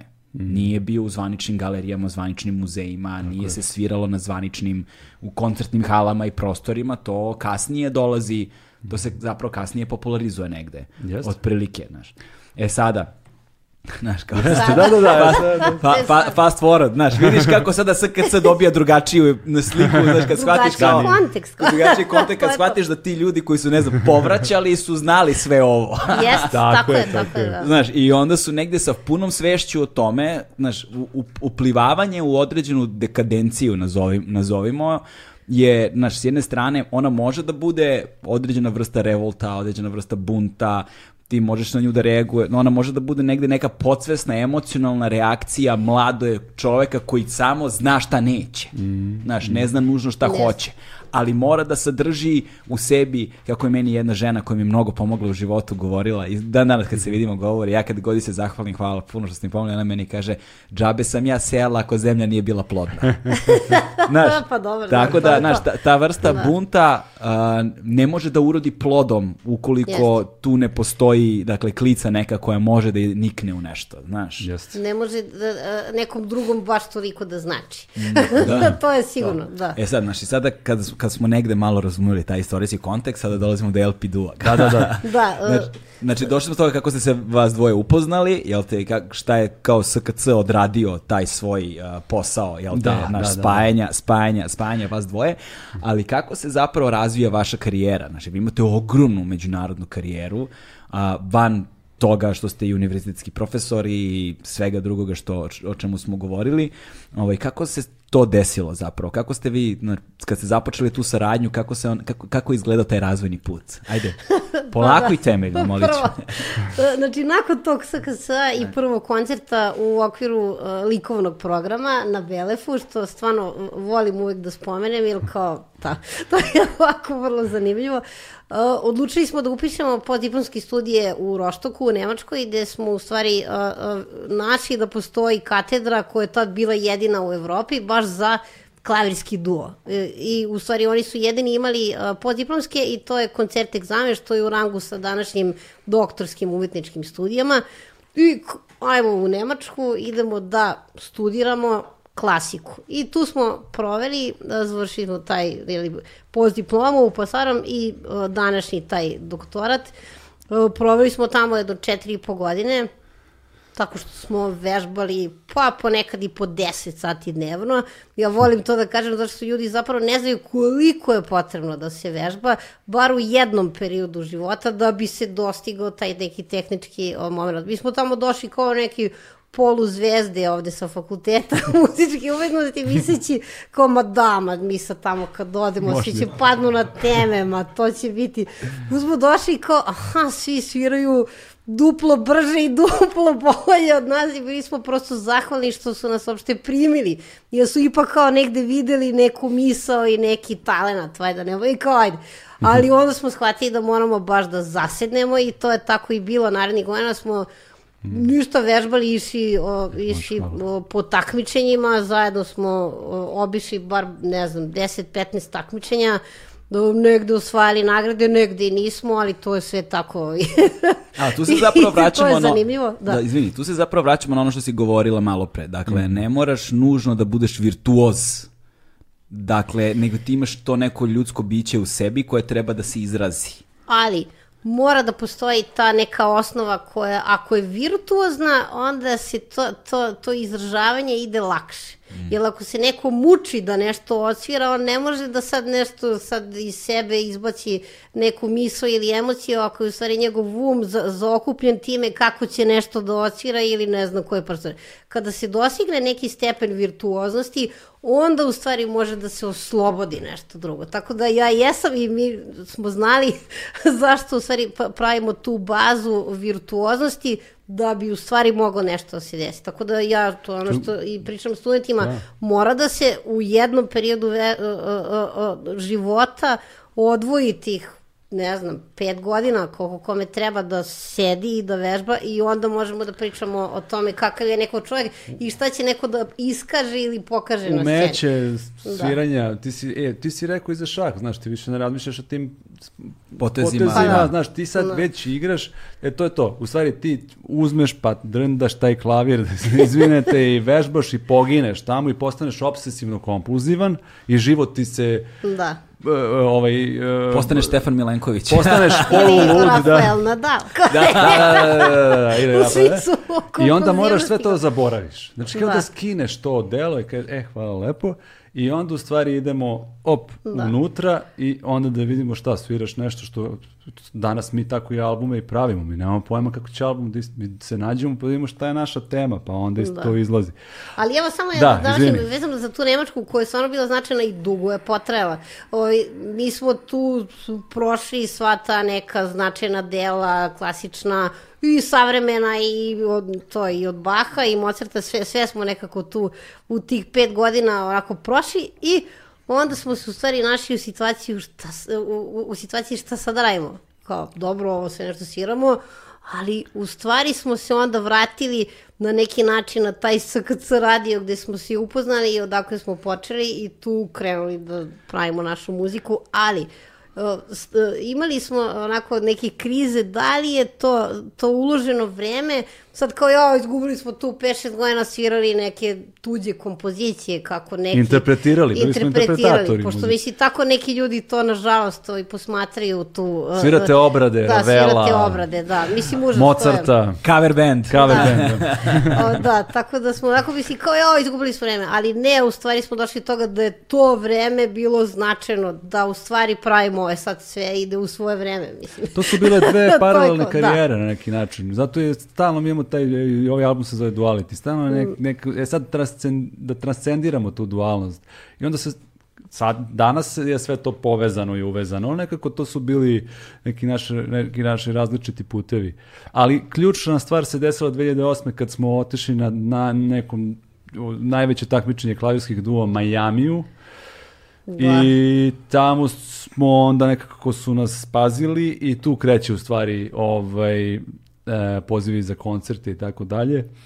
Iako je to onako ostalo u jednom zanimljivom celom ovaj, u- u- utisku, jer mi smo, sećam se, To vežbali ko manijaci, a bilo je ocepljenje ono Kosova i sad mi vežbamo, a ispod prozora dole pale kontejnere. I onda mi malo Ja, vežbamo. to kad su bili protesti, Jeste, oni, ja. malo Jeste. vežbamo, a Jeste. malo izađemo da vidimo ovaj, um, šta se dešava. Ali čekaj, kao, čekaj, ali čekaj, kao još vrati malo. se pošto moramo da vežbamo. Da. To bilo...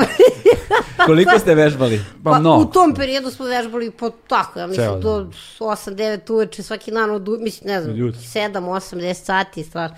Svaki dan. Koliko Svaki možeš, dan. koliko možeš. Ali dobro, ta, ta, to takmičenje je bilo specifično, mi smo tamo svirali 5 dana, pet različitih repertoara, znači to je svaki po sat vremena, i sve na pamet. I to je bilo Znači, bez partitura, Da, ništa. partitura. i ljudi da. su ispadali, To je recimo. bio trening kao, izvi, ka, kao onaj film i konji ubijaju, zar ne? Ono što kao pleša, E, da. To, znate to je to. bio takav princip na ispadanje. Nas deset, mi smo svi ušli u finale, to je bio već treći stepen.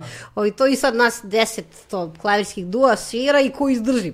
Prvi su jedni su sami odustali prvog dana, pa su drugog dana ovi neki mu za- nešto upala tetiva, pa trećeg dana mi smo izdržali do posljednjih pet.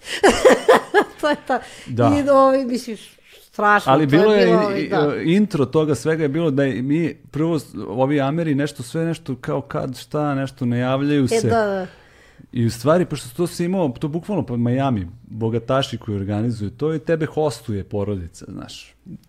Aha, to je sa, Da, to da, sam da, teo to je-. Na tom E, da, takmičenju. da, da, I, tebe, to je i, i sad, priča, da. kako je to organizovano? Ja, pa opet društveno, Da, jeli? da. Boga, užasno bogate porodice i svako ima svoj Svoj par, duo. svoj duo. Aha, I oni tamo se zezaju. ko tako. konji.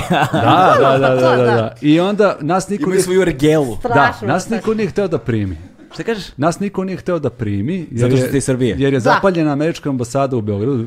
Ja, I- Bio je ovaj, problem, bio je mi smo zvanično ušli u finale, pošto bilo prvo smo slali snimak, pa smo išli Da. u, u Holandiju na taj drugi deo i ušli u prvi Da. deset, zvanično. I ovo ne, ne javljaju se, znaš, nema Da. ih, a ono, Amerikanci su very polite, ono, ne, ne, mislim.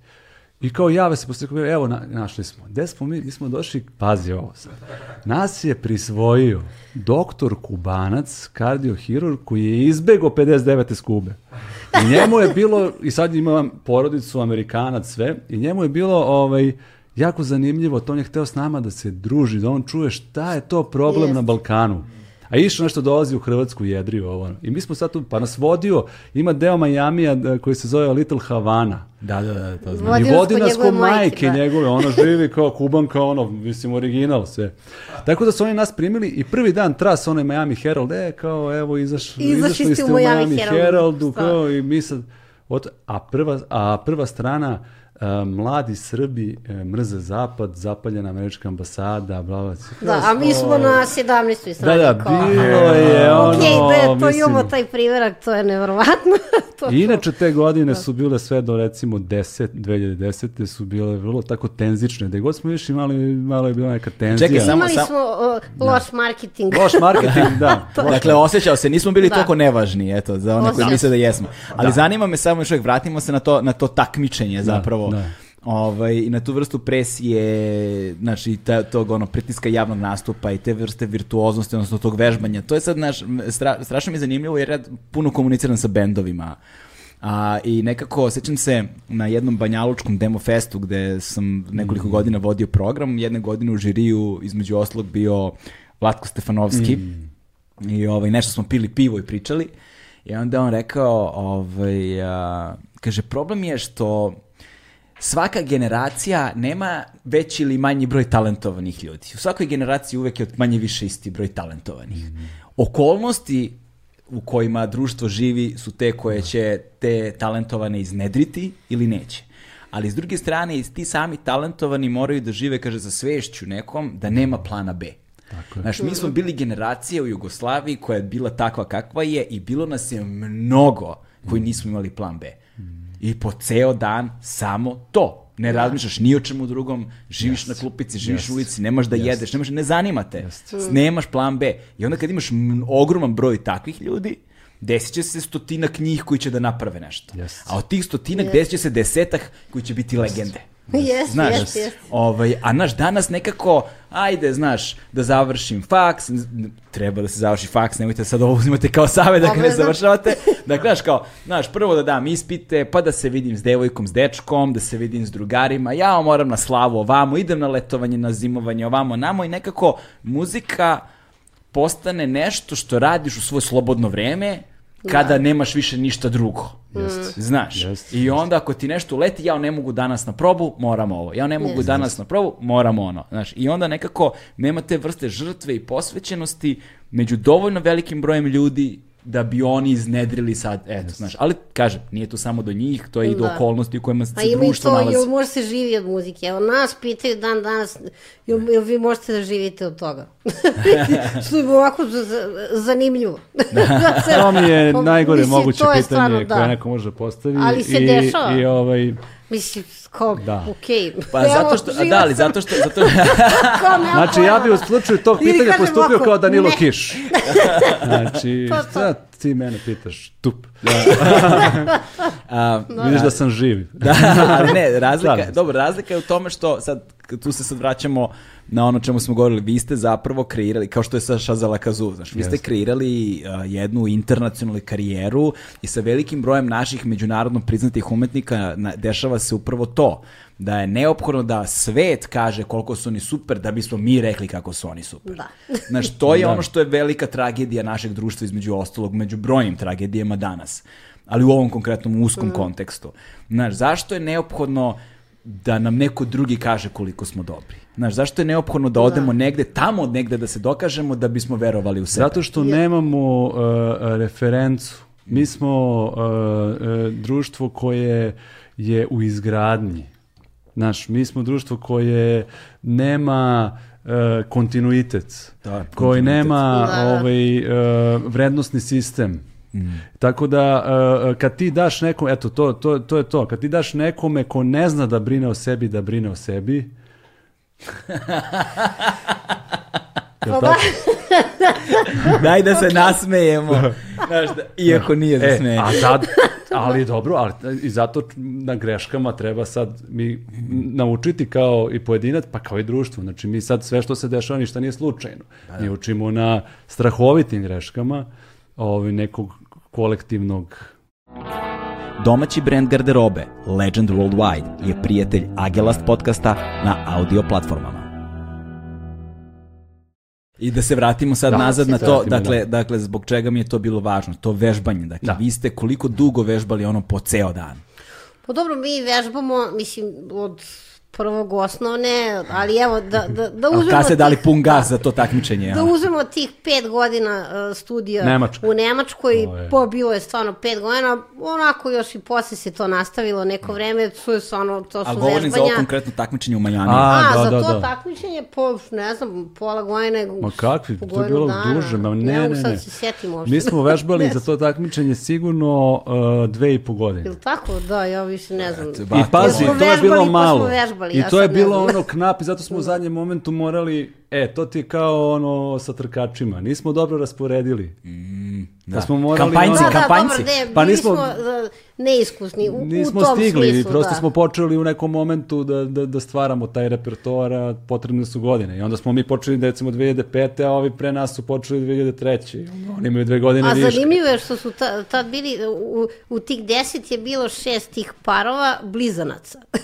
to mi smo bili jedni od redkih koji nismo blizanci. Pa eto, to je čisto ovako jedan, jedan podatak o, o, o tome da u stvari zapravo svi ti blizanci sviraju zajedno cijeloga života. Da. Mi smo u tom momentu svirali zajedno možda tri godine, tako da je to za nas bio ogroman uspeh. To, Jest. I, ali jesmo, vežbali smo, ne znam više. Imali smo tu me. znači toliko smo bili, evo, Ja, ovaj, da. toliko smo bili van sebe, taj kampus gde smo svirali, e, Miami inače poznat po aligatorima da. koji skaču tamo po kanalima i mi sedimo i ovako 5 metara ovaj, i kao, joj, vidiš, to je skulptura aligatora, lepo, bili kako su fino napravili ovo. Da, da. I mi nešto pričamo, pričamo, okrenemo se ovako otvorena u čeljust. Mi kao, Da, je, joj, pa kako su dobro napravili. Kao, Kako da. oni to fino rade, pa kao, znaš, može priliku da... pravi. da. I mi odemo i sutradan tamo bilo neki haos, aligator trčao po kampusu, mislim. Da, Znači, da, kažu nam sutradan, pazite se, ima neki aligator. Aha, da, I vidim. ništa niste Ništa nismo ne, mi videli. kao da. sedimo sa partiturama, nešto na klupici i kao učimo to napamet, ne znam, nešto prosviravamo u glavi i aligator. E, aligator, super. Je a, jeste stekli tad neki ritual u vežbanja, pripreme za vežbanje? Kako ulazite u taj ono, kako to, kako to na engleskom zovu, uh, uh, deep flow, taj, znaš, to, to stanje uma u kojem onda ti, znaš, uđeš i to sad prestaje da bude samo mehanika, to sad postaje jedno stanje u kojem, znaš, protok vremena i sve se menja, znaš, sve se, znaš, izmenjeno stanje svesti zapravo. Jeste, to je imaginarni prostor koji smo mi stvorili vremenom Mm. i koji, kako kažem, to je kao još jedna prostorija i onda mi njoj pristupimo i tamo uđemo i kad sviramo tu smo, tamo Da. smo, ne, u toj, znaš, u drugom. Ima jedan divan crtani film Disneyev skoro se pojavio. Kako se zove? Al Soul ili tako nešto? E, gledala sam, Jes, da, oni kao da. muzičarem i onda ima Jazz to sta- pijanista, da. jazz pijanista. I onda ima to stanje u koje zapravo upadne kada, Da, kada da. upadnu taj deep flow state i onda se zapravo nađu u nekom prostoru ni tamo ni vamo. Čardak ni nebu ni na zemlji. Da, pa dobro, to sad kao mogu vi neko kažete neki oblik meditacije, ali definitivno se on kreira od tolikog vežbanja i on Da, se da. kreira onako bez nekog razmišljanja gdje smo mi, pošto smo puno zajedni, za- zajedno vežbali, stvorili i svako svoje i taj naš neki zajednički, gde ne moramo da raz... mi sviramo i kao da, da, ono, kao polu neka telepatija, ne znam više kako to da nazovem, ali je sad stvarno tako. Ali imate ritual neki pred početak ili nešto na koji način ulazite u to. znaš? Ili pred koncerte pred ili koncert, nešto, pred os- nastupete. osamimo se, ovaj, nisam, Malo budemo u tišina. tišini, znaš, Malo budemo u tišina. tišini. Izvedemo Johna Cage-a. Da idemo Johna Cage-a.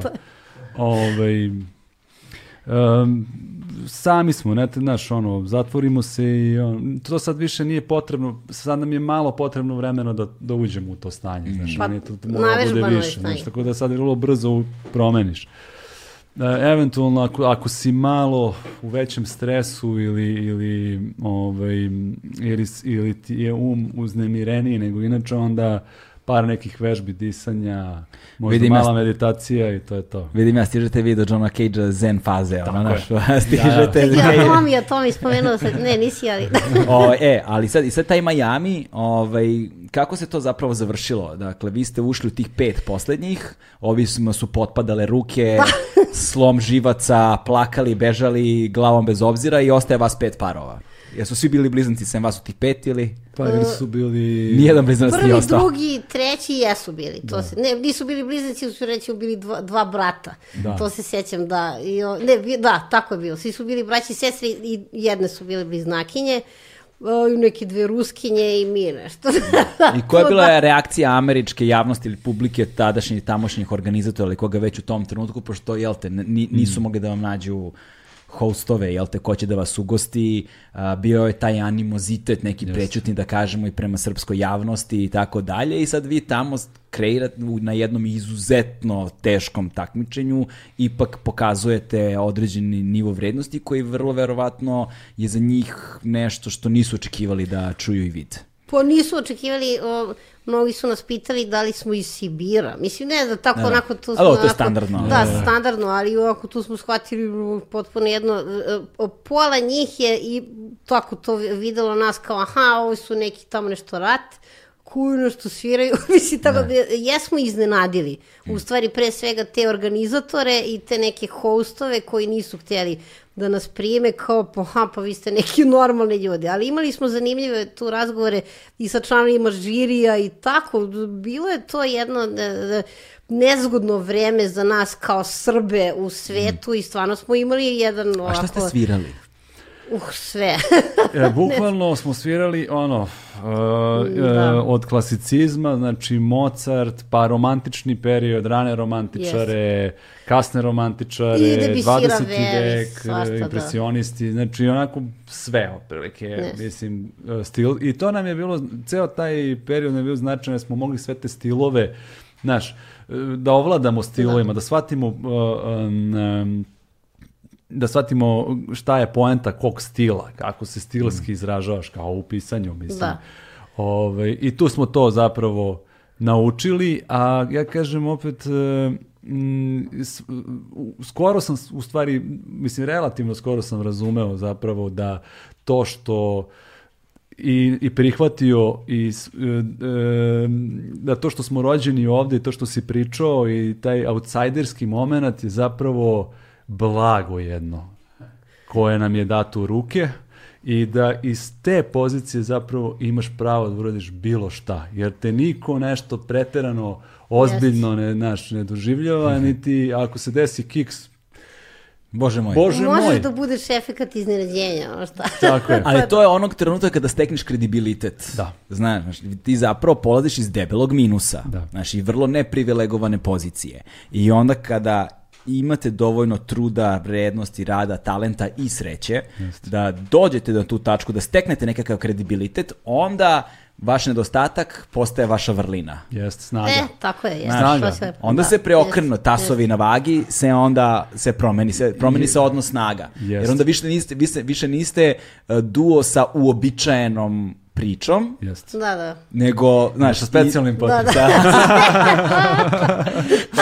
e sada, a, dakle, kažete, nakon Majamija za, zapravo kreću prvi pozivi. Jest. Kako je Jest. to izgledalo? Gde ste krenuli? šta se de, ko je bio e, dalji deo Sticajem puta? okolnosti, prvo e, poziva nas je Run Van Vin e, i kreće nekako, e, e, krećemo puno da sviramo u Holandiji, Mm.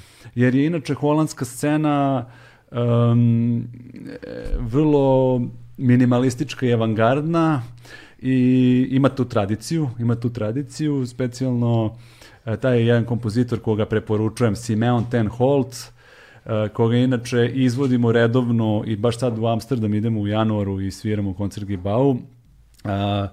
Um, delo koje se zove Kanto ostinato koje traje dva, može traje do dva i po sata improvizuje se na osnovu nekog materijala pripremljenog. E, to bi bio neki romantični minimalizam. Ali e, poziva nas jer Runi, počinjemo tamo već i e, da sviramo sve veći broj koncerata, kompozitori nam prilaze, nude nam saradnje da sviramo njihove kompozicije. E, Stizale su nam e, partiture preko maila u nekom momentu svake nedelje je, po nekoliko, da, da. svih delova da, sveti. Da, to je bilo da. zanimljivo i mnogi su već, nisu nas poznavali, a neki nam uh, pišu uh, da, da hoće da nam posvete neko delo i tako to je krenulo neko se dešava. Primetili su nas kao izvođače savremene nove muzike, nekako su se vezali i onda potom sledi i jedna turneja po Americi, to ovaj, veći broj koncerata, New York, Cincinnati, Chicago, ne znam šta je još bilo. I cela stvar se malo zavrtela. Mm. Jeli? I, I onda je došlo i Carnegie Hall. I onda je došao Carnegie Hall kao neki vrhunac tog perioda, da tako kažemo je. od 2008. do 2014. gde je to išlo ka tome. E, sada, Išli smo, tako je, da. Ajde sada sve u vezi sa Carnegie Hallom. Znači, zanima me i vaše... Da, da, ne, ali zanima me vaš kao vaš intimni doživljaj i taj da. poziv za Carnegie da, da. Hall i kao šta je vama značilo u tom trenutku. Kako vam je stigao taj poziv na mail ili šta? Pa mi smo svirali u Greenwichu, ne, kako se dobro sećam. Tako je, da. Svirali baš u tom, u, u, u Greenwich House of Music, gde, koje je mesto na kome i Cage izvodio svoju muziku i mnogi tu su tu započinjali. Bili su mnogo srećni što tu sad mi je ovo. kao, to, je, to, je kao, kao, to je kao neki hram. Baš pa je da, to značilo. savremene da. nove muzike. Da. I na tom koncertu je bila jedna dama koja je slušala taj koncert i rekla pa ljudi ovo je ok, ali ovo je vreme sad za neki malo veći koncert, drugu salu, da li biste vi bili... šta svirate ovde? Vama treba Carnegie Hall. Da li biste bili okay. zainteresovani, hajde da vidimo ovo. I naravno to je bilo zaista veliko uzbuđenje za nas da, da, da, da, a oko Carnegie Halla a sad opet vidiš kako kosmos namesti ove, i kako smo povezani. Uh, za Carnegie Hall uh, da i za Carnegie Hall onda uh, naš kompozitor Miloš Rajčković koji inače jedan od prvih minimalista ovaj, jugoslovenskih on kaže, znate šta, ne bi bilo loše dve stvari. Jedna stvar je da izvedete jedno delo srpskog kompozitora, a drugo, treba, ne bi bilo loše da imate gosta na koncertu. Neko koga publika da, njujorska zna. Koga zna. Smo mi sad a on je, uh, je prijatelj sa Margaret Langton, koja je bila najbliža prijateljica i saradnica Johna Cage-a. I ona bila njegova muza i njegova pijaniskinja i tako. Evo, ja sam se da. da. Evo, ja sam se da. Ona je inače da, da, jedna fantastična, fantastična umetnica koja je iz Singapura, ali ceo život živi u Njujorku. I uh, onda smo nekako došli na ideju super, uh, um, pošto Margaret krenula da se bavi uh, toj pijanima i da kupuje veliki broj tih klavira i igračaka i da pravi jedan repertoar za takve za takve instrumentari i onda je ovaj, drugi naš kompozitor Miroslav Miša Savić imao jedno delo za dva klavira i taj toj piano, malo ga je još sredio i poslali Margaret, Margaret pristala. Wow. I ona je onda, onda slušala prvo neke naše snimke i ovako malo razmišljala da li sad ona ipak je tamo velika zvezda. Da li da pristane? Da, da li da, da pristane, da. pristane, da. kako šta i tako. I tako pristale, želim da vam pomognem, pošto je nekako uvidela da... U duhu da. Cage-a. Da. U duhu Cage-a, da. Cage ne bi bila, ta da ne, ne, bi, ne, ne, Tako je, da, tako da, je, negde nas je ona shvatila. Da, da izvim, da. I ništa, sećam se tih proba kod nje u Bruklinu, ona žena, zaista fantastično, ovaj, sa tim njenim kucama, ovaj, ima pet kuca ovaj, udomljenih koje šeta, onako, i ove slike sa Cage-om i sve i onda smo kod nje vežbali. Bili smo stvarno u, u jednom muzeju, da. muzeju nekog vremena sa njom. da, I to je bilo zaista, samo da. kao sad je jedan od e, simbola tog vremena. Mislim, ja sam, iskreno, ja sam ovako baš bila uzbuđena jer je meni ona bila jedna od omiljenih pijaniskinja. I sad kao, u, ona sad će da gostuje na našem koncertu u Carnegie Hallu, sve je to bilo dosta ludo. Ali s njom smo stvarno, ona je uh, uh, sa nama u početku uh, se ponašala kao jedna profesorka, što na neki način jeste ovaj, ona je žena starija od nas, 40 godina i tako. I, i uh, puno smo naučili tih dana od nje. Ali je bilo zanimljivo, pošto ona nas zapravo nikad nije uživo slušala, ona je sa nama nastupila uh, u, u toj jednoj kompoziciji, ostatak koncerta je ona slušala. Mm. I ona, kad nam je prišla posle koncerta, to je pona, evo ja sad se ja ježim.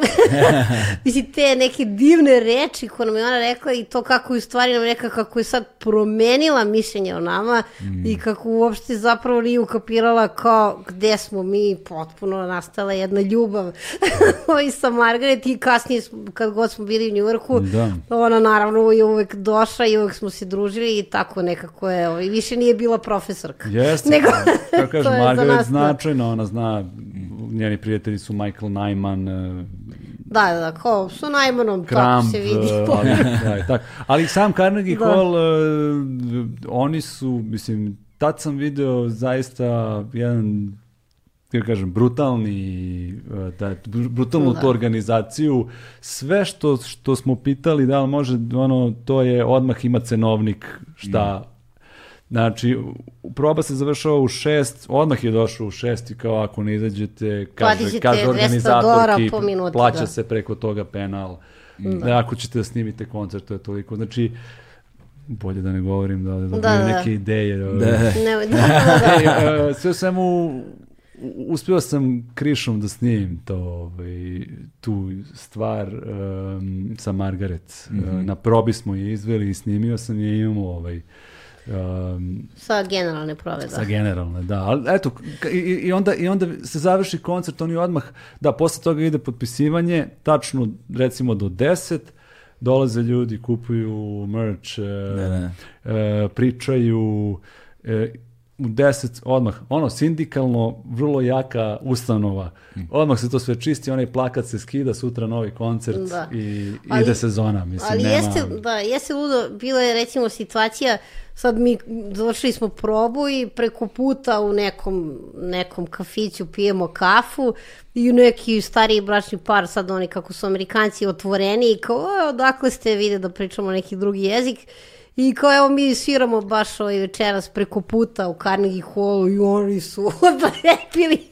I onda smo recimo rekao moje tu stali ispred ispred našeg plakata, kao da se slikamo i jedan su ljudi krenuli da se skupljaju, mislim, to je potpuno nebulozno, niko ne zna za nas. Carnegie Hall je referenca, apropo ali referenca. Ali evo sad vide, jo, to ste vi, moramo se slikamo. Ovaj. Da, to je druga kultura, niti, da, niti javnosti. Nekad, da. ono. Da. Verovatno nikad neće oni to da provere, niko, val, slikali su se sa nekim ko je svirao u Carnegie Hall. Ima to, to super ludo. u Buena Vista da. Social Club, kada ova dvojica se šetaju i gledaju, jo, što je lepo ovde, a kad su svirali u Carnegie Hall, kaže, ovde bi, ej, vola bi da dovedem celu porodicu, da dođe ovde, da. no, baš je dobro.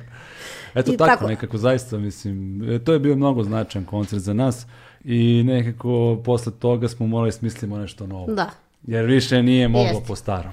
kao, kao, po, kao, posle, kao posle kla, klasik, Jest. klasike u Nemačkoj, Jest. kad ste morali nešto, sad ste imali novu prekretnicu. Jeste, istrošili smo se i neki način šta sad da se ponavljamo. Mi, mi smo inače, ono, moramo, mi po, ono, osvojimo nešto pa pobegnemo od sebe, idemo dalje, ili istražujemo, nema sad kao stajanja. I šta se dešava tada? Koja je to godina? Uh, 14. Je 14. da. Pa da, pa taj, eto, taj koncert jeste bio vrhunac tog perioda i onda smo u stvari ušli u projekat Kvantna muzika Aha, i ušli da, smo u komponovanje naše muzike e, sad, i sad pre nego to što, je neki... Ajde, pre nego da. što uđemo u kvantnu muziku, samo ovaj, još neke stvari koje me zanimaju. Da. A, kada govorimo o muzičkom stvaranju, generalno stvaranju uopšte umetnosti, uvek postoji ta kriza, a, naš, ajde nazovimo, ne, ne znam, nećem se ko je to lepo jednom rekao, kaže, svaki čovek ima barem jedan roman u sebi.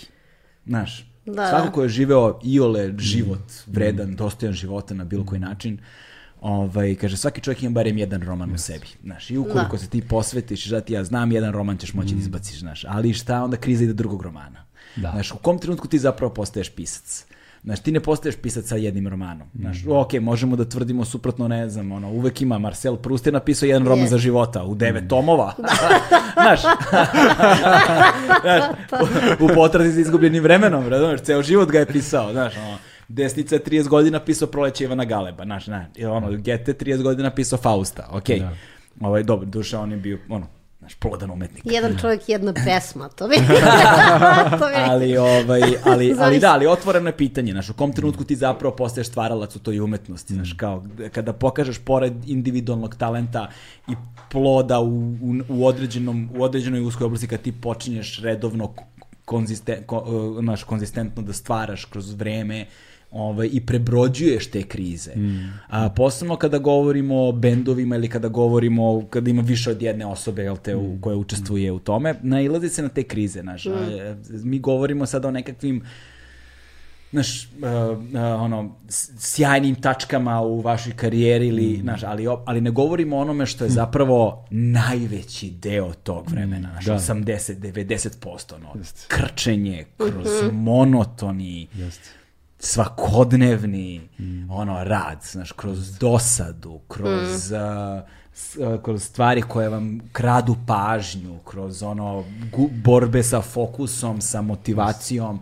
znaš, posebno kada postoji dinamika još jedne osobe u svemu yes. tome, kako, kako, se, kako u tome istrajavate, kako, kako, su, kako, su te krize, kako te krize izgledaju? Pa znaš sad, evo ja ovaj, to stalno pričamo uh, o tome da mi moramo da se izborimo za vreme u kojem mi sedimo i komponujemo ili sviramo. Jer mi da bi došli do momenta da mi sad budemo kreativni, moramo da uradimo hiljadu nekih drugih stvari koje su potpuno nevidljive. Mislim, naravno, tih sat vremena na koncertu je svima jasno, ali kao tu je hiljadu mailova, pisanja projekata, administracije, to je haos, mislim, potpuno onako, mislim, nešto ko što smo prošli, Andrija se jednom e, šalio da možemo da napravimo izložbu svih tih molbi ili kao svih tih, možda je to toliko, ili, ili recimo, ili, ili tih prvih, ne znam, nekoliko godina svih tih mailova, hello, we are Sonja Lončar and Andrija Pavlović from Beograd, i kao sad da pokušavamo da nešto uradimo.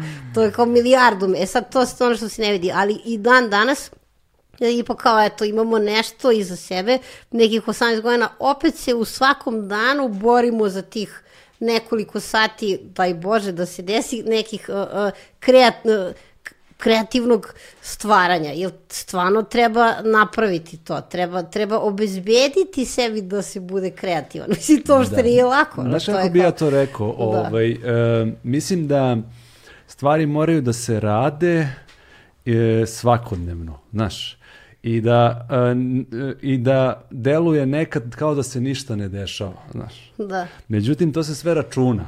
Mm. Ti ne možeš ti sad kao pet dana da ne radiš, pa jedan dan da radiš, pa ovako, pa ovako. Mislim, to onda ne možeš da očekuješ baš neki rezultat. Da. Znači, ti ideš i svaki dan idemo, ajde šta je struktura, radimo ili praviš strukturu, i vežbaš, uvek ima nešto da se uvek ima nešto da se uradi, da se završi, pogotovo kad imaš jednu jednu situaciju koju se mi nalazimo gde, gde mi zapravo uh, držimo naš rad u svojim rukama, a onda imamo spoljne saradnike divne i idemo ka drugima, ali shvatili smo kako da posle prvo je to bilo gerilski. Da. Ništa mi nismo znali, mi smo to nabadali, niko nije nas učio kako se to radi. Ali onda smo neki sistem napravili i sada nam je jasno kako taj svoj posao da negujemo i naš odnos kako da negujemo, to nam je postalo jasno kroz sve te krize koje smo, kojima smo svedočili mm. i naše pojedinačne i, i međusobne i jer tu nema ne, ne možeš tu da nema tu jako je ne može ovde neko sad da na, zameni Sonju ili mene kad je duo znaš. Da. nije to sad band pa kao dvoje troje kao četvoro pa će ajde. neko drugi Mislim, ne može ni to da. e, i drugo tu onda nema tu ono brutalna jedna istinitost istinoljubivost. I to u u početku kad se setim nije nije bilo lako, malo to udara na sujetu i malo nekako Nešto. čovjeku je teško da prihvati da, jer pazi, ti sediš, ti imaš ogledalo, ti imaš dva pijanistu pored sebe, znači da je violina pa baš te briga, je. A imaš pijanistu, gledaš i kao, joj, ti vidi, znaš, ono, znaš, ili šta znam, i to je sad jedan segment, pardon, jedan segment rada, drugi je ta energija koja mora da se um, uloži u, u ostale. Znači, ne može samo muzika i samo umetnost. Ona, on, nju čini sve i ono mm. okolo. Šta ćeš ti s njom? Kako ćeš ti da je plasiraš? Kako ćeš da je pokažeš? Jeli, scenski, da je daš kontekst. Da je daš kontekst. Sad, znači, tu ima gomila pitanja, nije samo sviranje.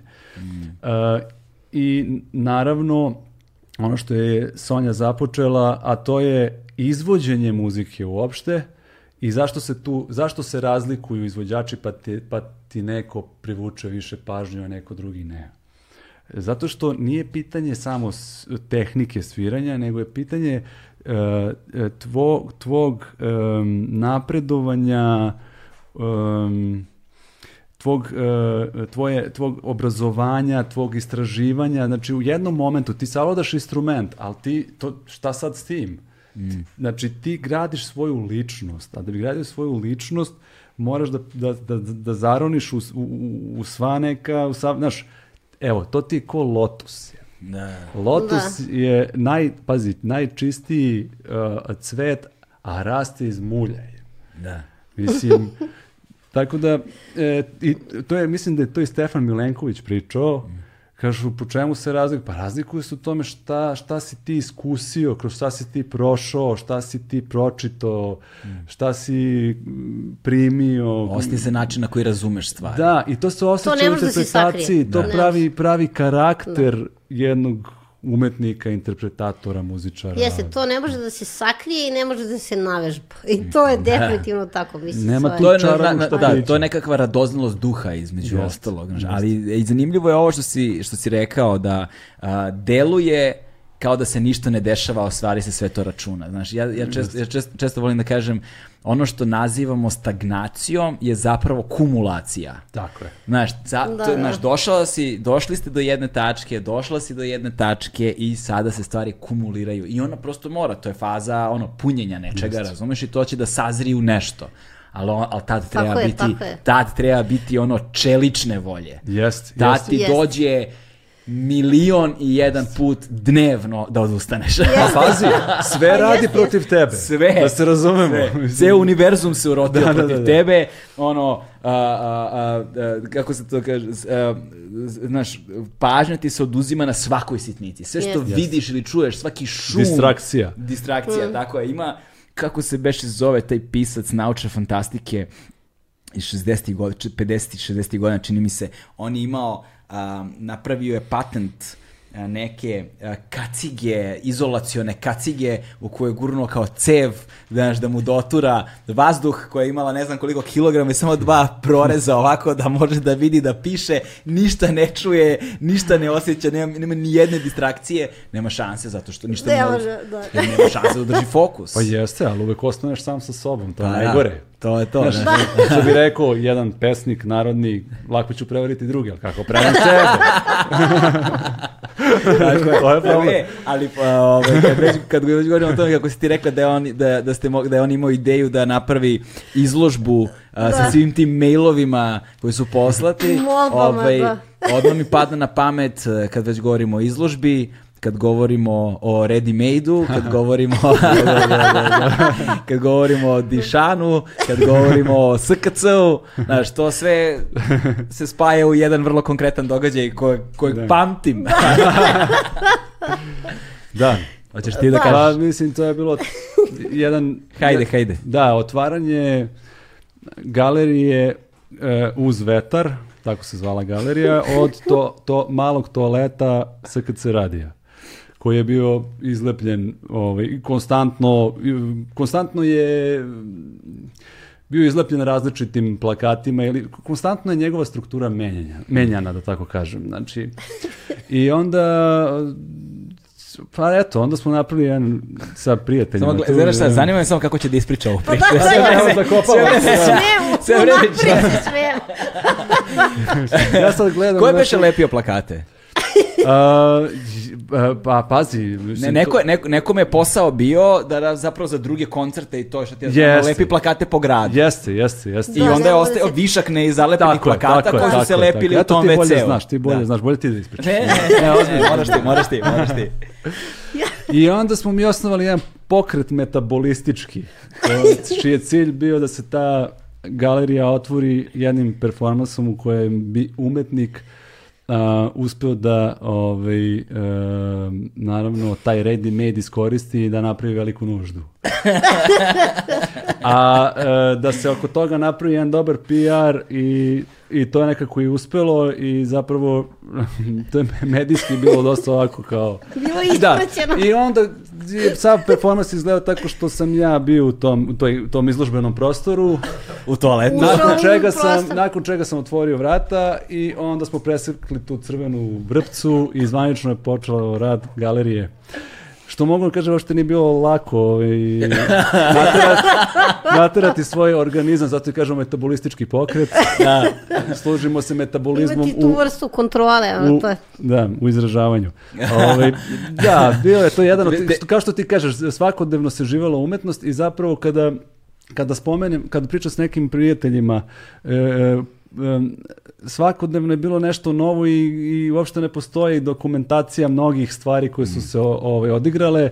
Recimo, ja sam u jednom momentu, na, to je, mislim, pa, parodije, par, paradoks. Ja sam e, ovaj, napravio izložbu 2003. godine koja se zvala konkurs za izradu biste e, pijaniste i kompozitora Andrije Pavlovića. Taj konkurs je bio javan, otvoren, na njega se prijavilo desetak vajara koji su priložili svoje radove. Niko nije znao ko sam, mislim, ja, ja bio student neki. I ljudi priložili, bila novčana nagrada, sve.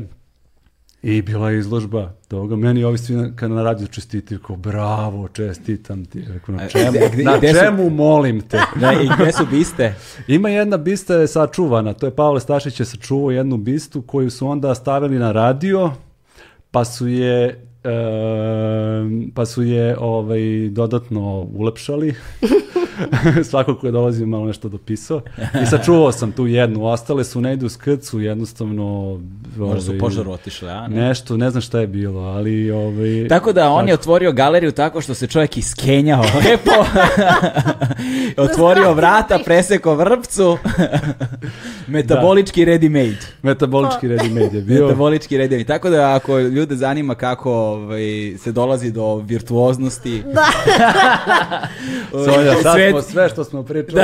da, sve smo, da Međunarodne- ne kažem šta. džaba, kej, džaba. I da, doći da čovjek. nije bilo. Cage-a ništa da ovoga snimanja. Zapravo Dišana, on je, on je, on je, on je zapravo sad, ne znam, vjerojatno ima ljudi koji ne znaju, Jeste. ovaj, u, u jeku tog pokreta uzeo je čovjek pisoar, Jeste.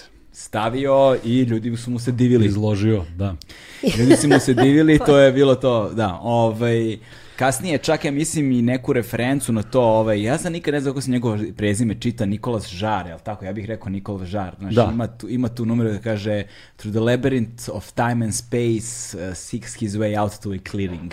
Da. Da, da, Znaš, da, ali da. taj svemir i ti lavirinti su zapravo odlika ovaj, tog postmodernizma na neki način, na što kretanje, ovaj, ali da ne ulazimo u to sad, da ja ne počnem da...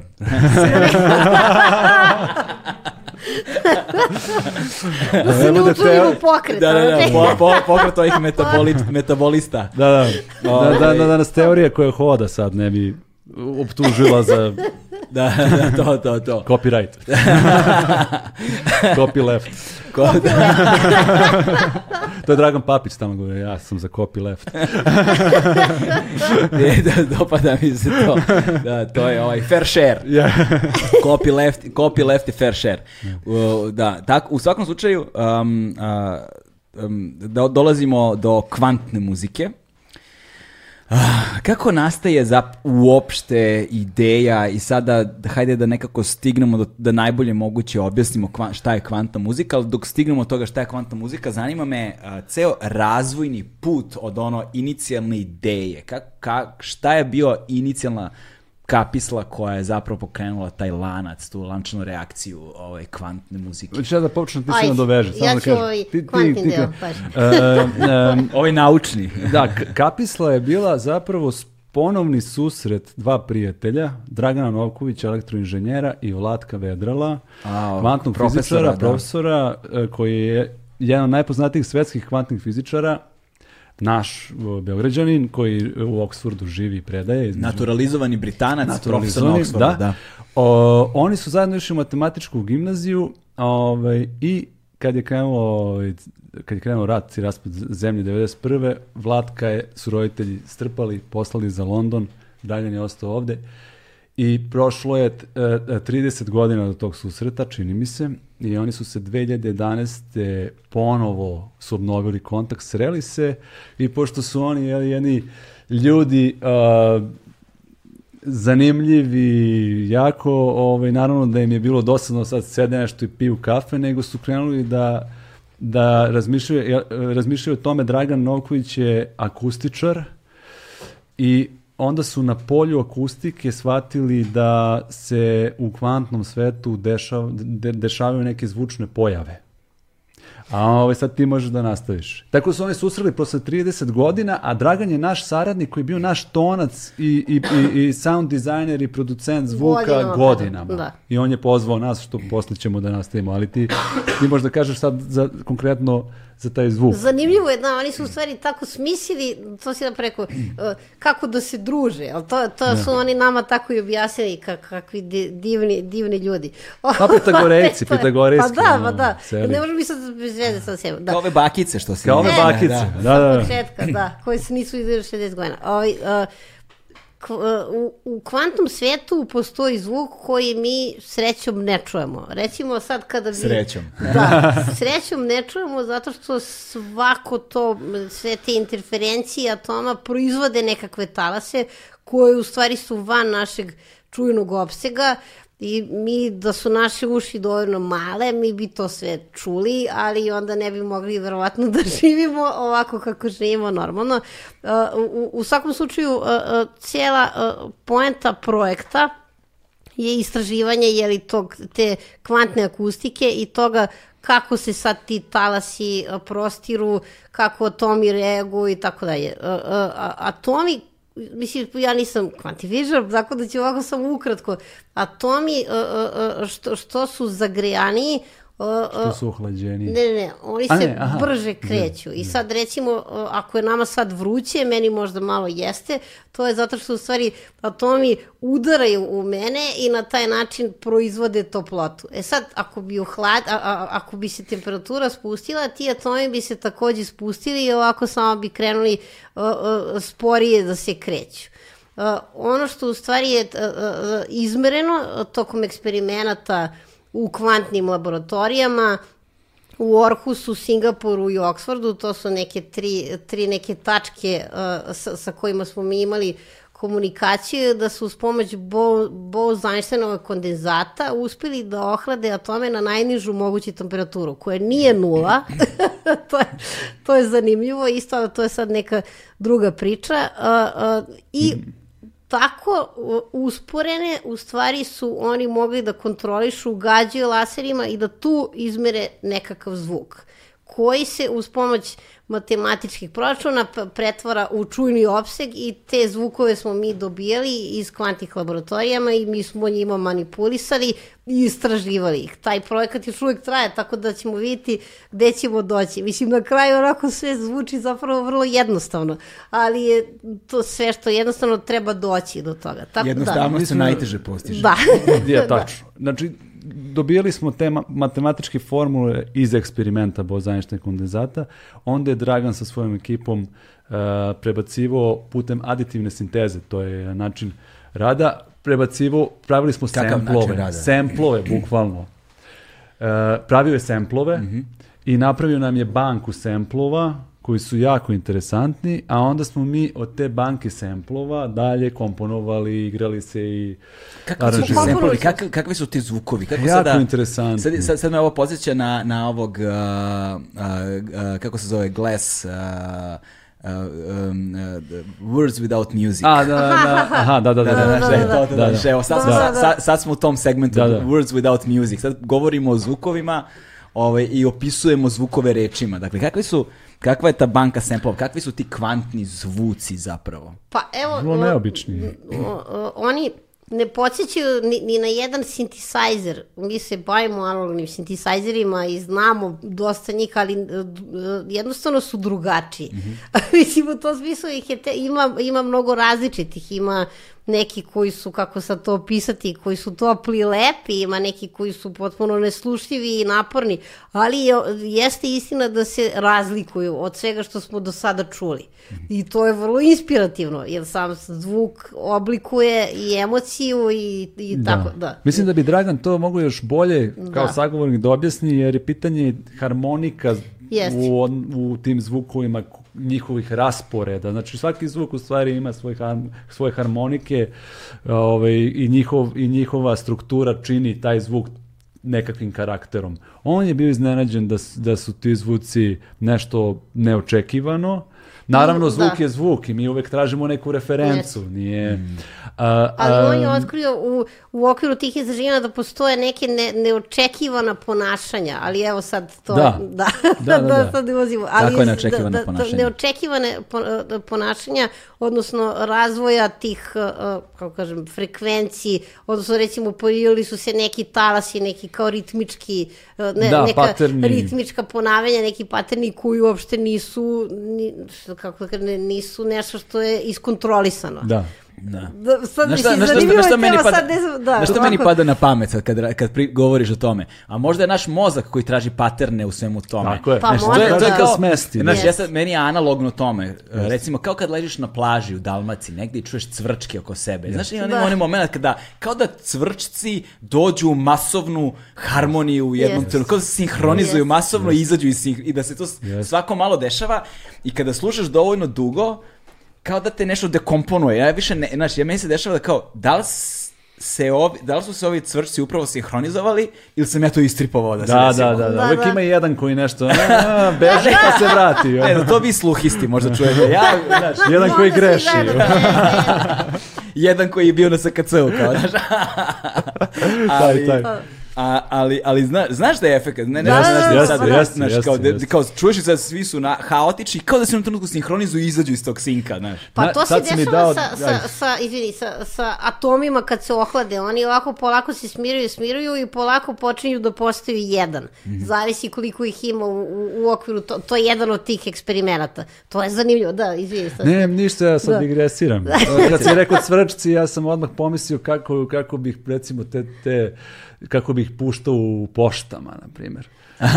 Majke juče mi, znaš, ono, da, u poštama je uvek tišina neka i baš mislim da bi prijelo ovim tetama Da. tamo. Ne, apropo kvantni, kvantnih zvukova. Um, e, mislim, ta banka zvukova postoji to i u jednom momentu će ona biti, uh, pošto taj sad projekat koji je tad nastao, i kad smo se mi sreli prvi put 2013.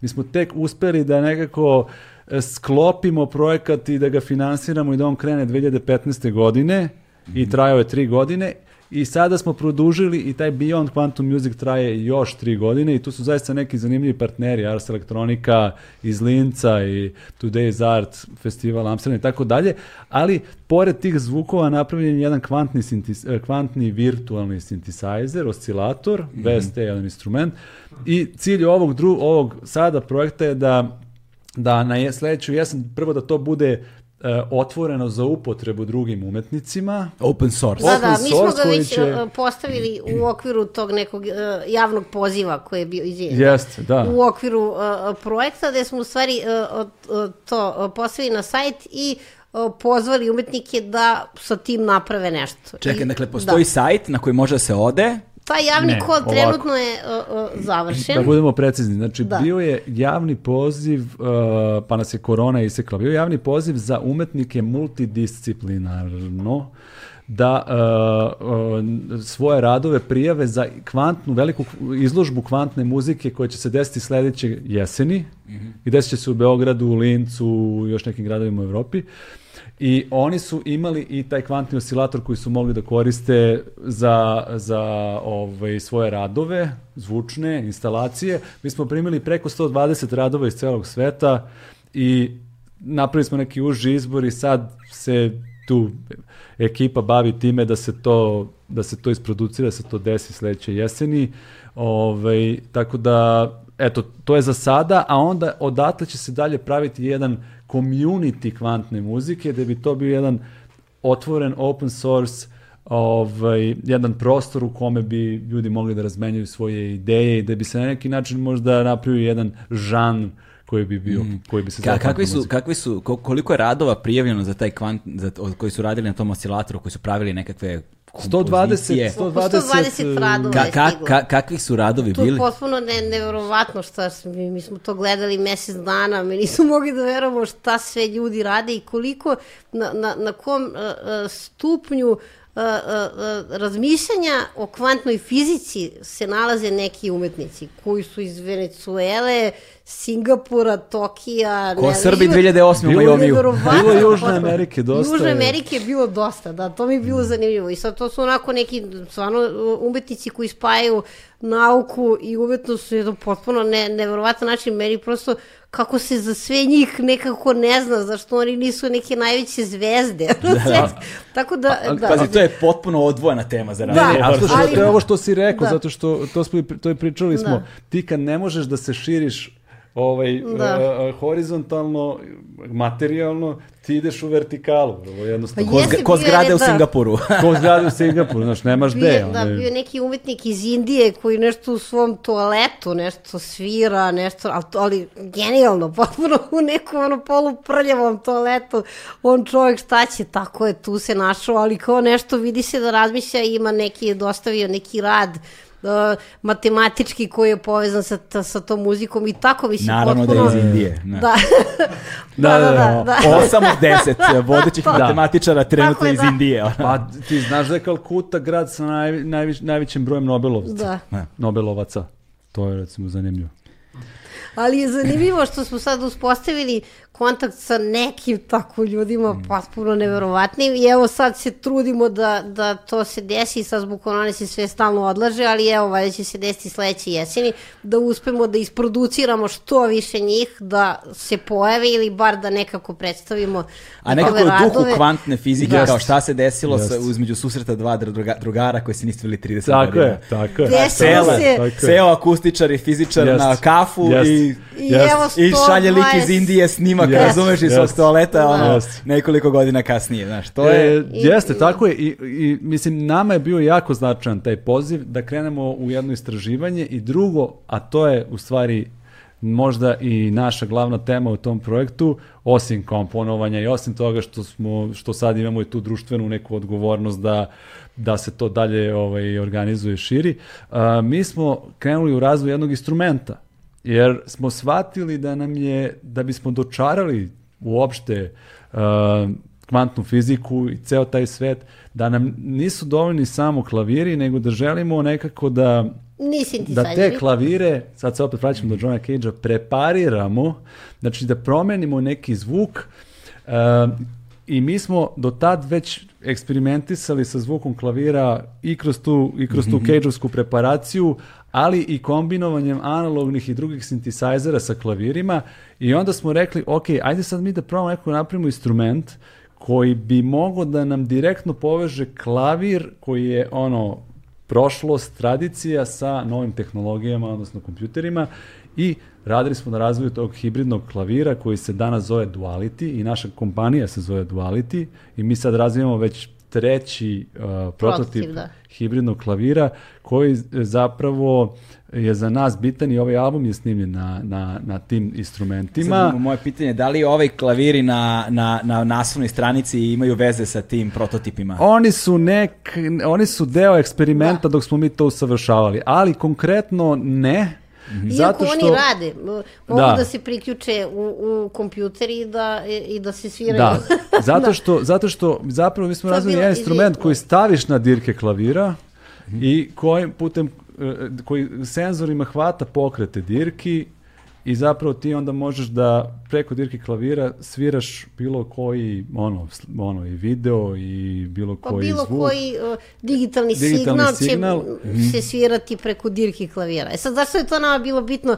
Kao postoje sintisajzeri, ali sintisajzeri i bilo koje električni klaviri nikad neće moći da, uh, uh, da još uvek to nije razvijeno, da nama daju osjećaj uh, virtuoznosti koju može da nam da klavir. Ili, pa klavir ima i čekić i žicu i osjećaj jednostavno drugačiji nego na Analogan plastičnim instrument, da. Da. dirkama Da, i da, da da. jednostavno može više da se ocira. Sintisajzeri su napravljeni i analogni sintisajzeri to tako da se ocira po neka harmonija, malo neki ta mel melodija i tako da je. I mi smo u stvari hteli, pošto najviše volimo da sviramo na klaviru, kako sad da u stvari preko dirki klavira proizvodimo još neke zvukove. I ono što sad završamo, taj najnoviji prototip, uskoro.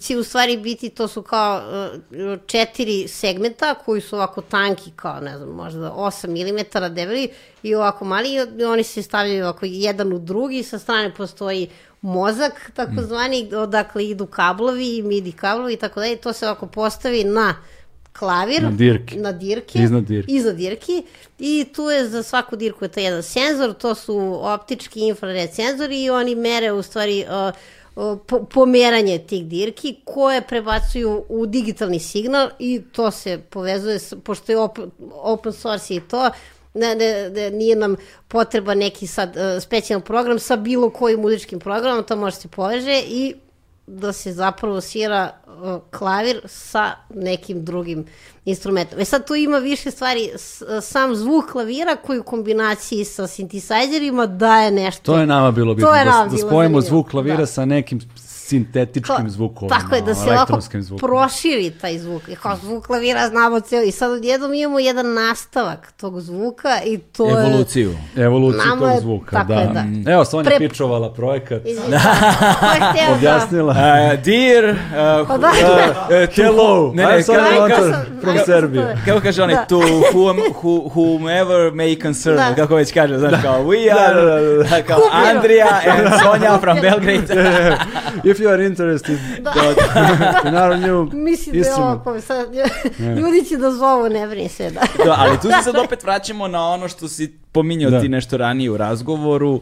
Sve ovo bez publike, Yes? znaš, koliko je zapravo slušljivo uh, komponovanje uh, ono što se komp... Znaš, ti zvukovi, se- na- ja ne mogu sad da dočaram, ne mogu da zamislim, morao bih da čujem Mm. da bih mogao da zamislim, znaš, kao ti zvukovi, koliko su u kontekstu onoga što je kao naš ustrojstvo ljudske psihe, nazovimo, i kao mogućnost razumevanja i slušanja ovaj, koliko je moguće komponovati u tim nekim okvirima, znaš, da li ili kao to totalno van, Pa šta, evo da li to može da, bude ja koncert, znaš, ne Sad ću znam. samo da kažem jedna stvar. U teoriji zvuči mnogo kompleksnije nego kao kad se sluša. Kad se sluša, to je muzika koja je vrlo jasna i prihvatljiva. Ne, nije ništa ekstra. Plesna.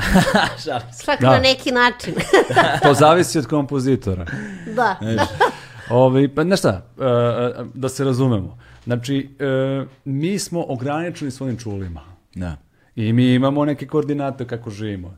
E, samim tim, to što mi čujemo, to je već deo ovog sveta. Samo je prevedeno, informacija je prevedena u ono što mi možemo da čujemo, razumemo i doživimo.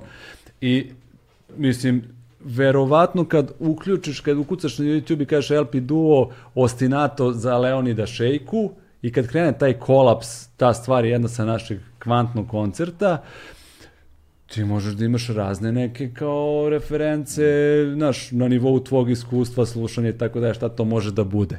A to delo uključuje i određen broj kvantnih zvukova koje smo mi uspeli nekako koliko smo mi mogli našim mogućnostima, razumevanjima, e, skillom da, Da. da ovladamo i da u našem, našim koordinatima, naše estetike ovaj, dočaramo. Da. Eto sad se tu ono vežbanje silno isplatilo gde ne morate da razmišljate o tome šta ćeš da klik pritisneš da, da.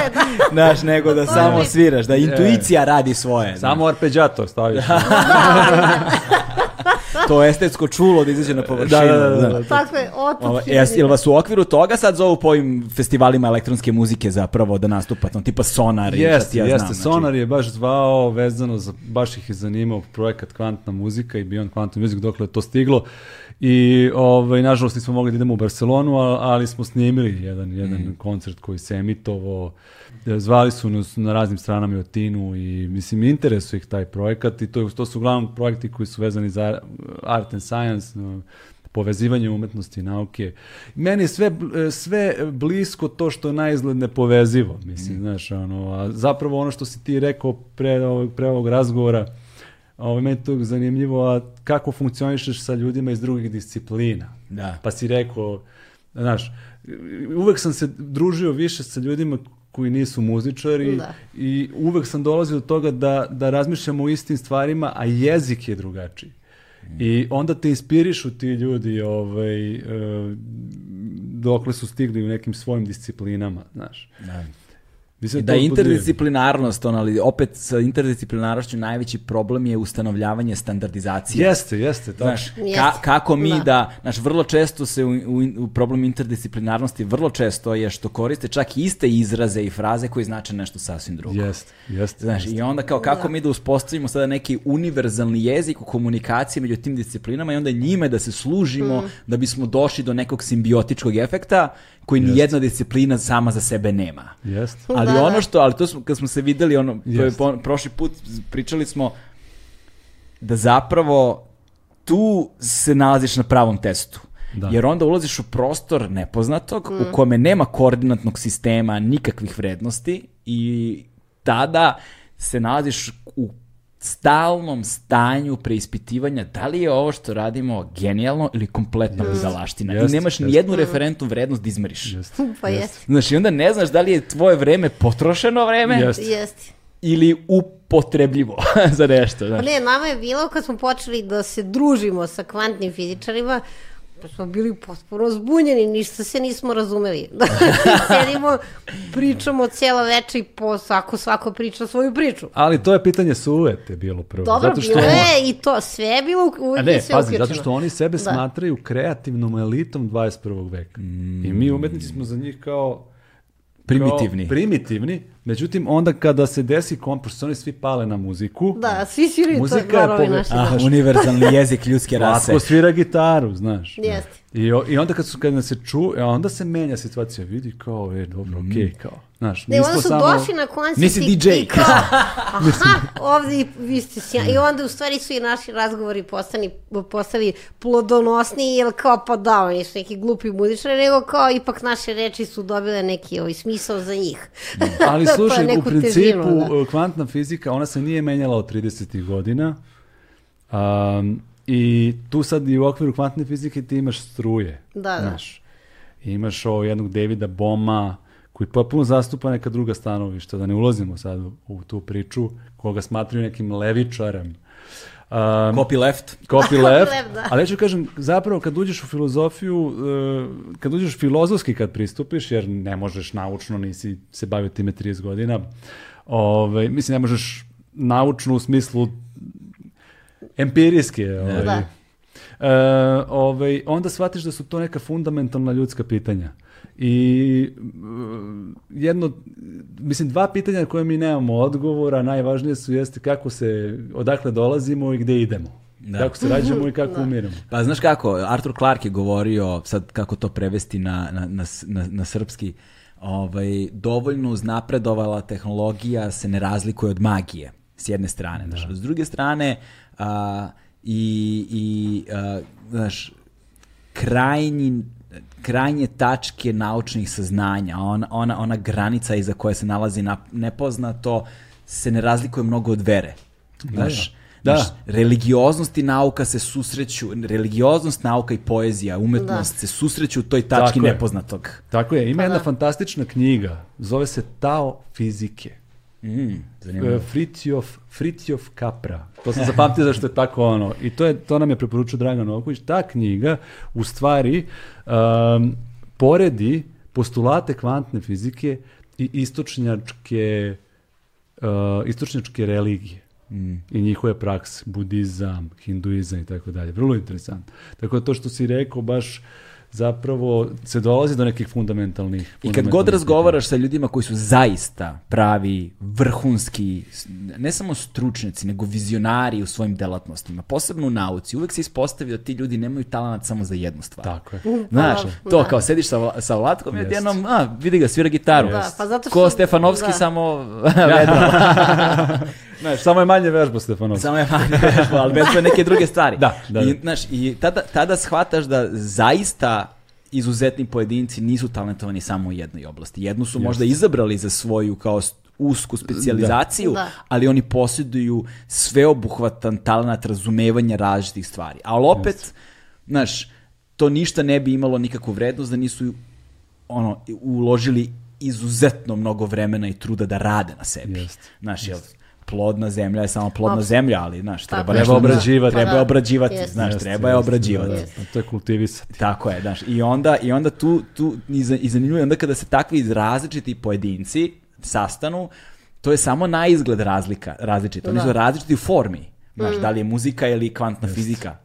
To je samo površina u kojoj se oni razlikuju. Ali kad se zaroni, Jeste. znaš, opa, Jeste, vidi, jeste. evo ga neki zajednički Pa jezik. jeste, to je sve neki de- deo neke cijeline, kao i svako da bi došao do, do nekih odgovora mora nekako da još neke stvari i upozna i tako dalje. Ali dobro, ja sam uvijek za to da je ovaj, da, da, da, svako ko je izuzetan u jednoj stvari vrlo lako može da, da pređe na neku drugu stvar i da bude jednako izuzetan ako ima vremena tokom života. Ali ja tako doživljavam, To- e, ali ja tako doživljavam da. i religioznost s druge Mhm, stva- strane, znaš, ono, uh, da li si uh, hinduista, uh, budista, hrišćanin, uh, znaš, To je žanr. To je, to je naš Pa dobro, musliman, da, naš, to da. je žanr, to je stilsko-tipološka odrednica uh, veroispovesti u kojoj se nalaziš. Jeste. To je površina, to je da li plivam kraul, leđno, prsno, Pa da, delfin ili ne znam ti ja šta. Gde si rođen? ono, Ali to, tako se to, to, je, to je kako plivaš, ali Jeste. kad roniš, Da. Znaš, o, tu smo svi isti.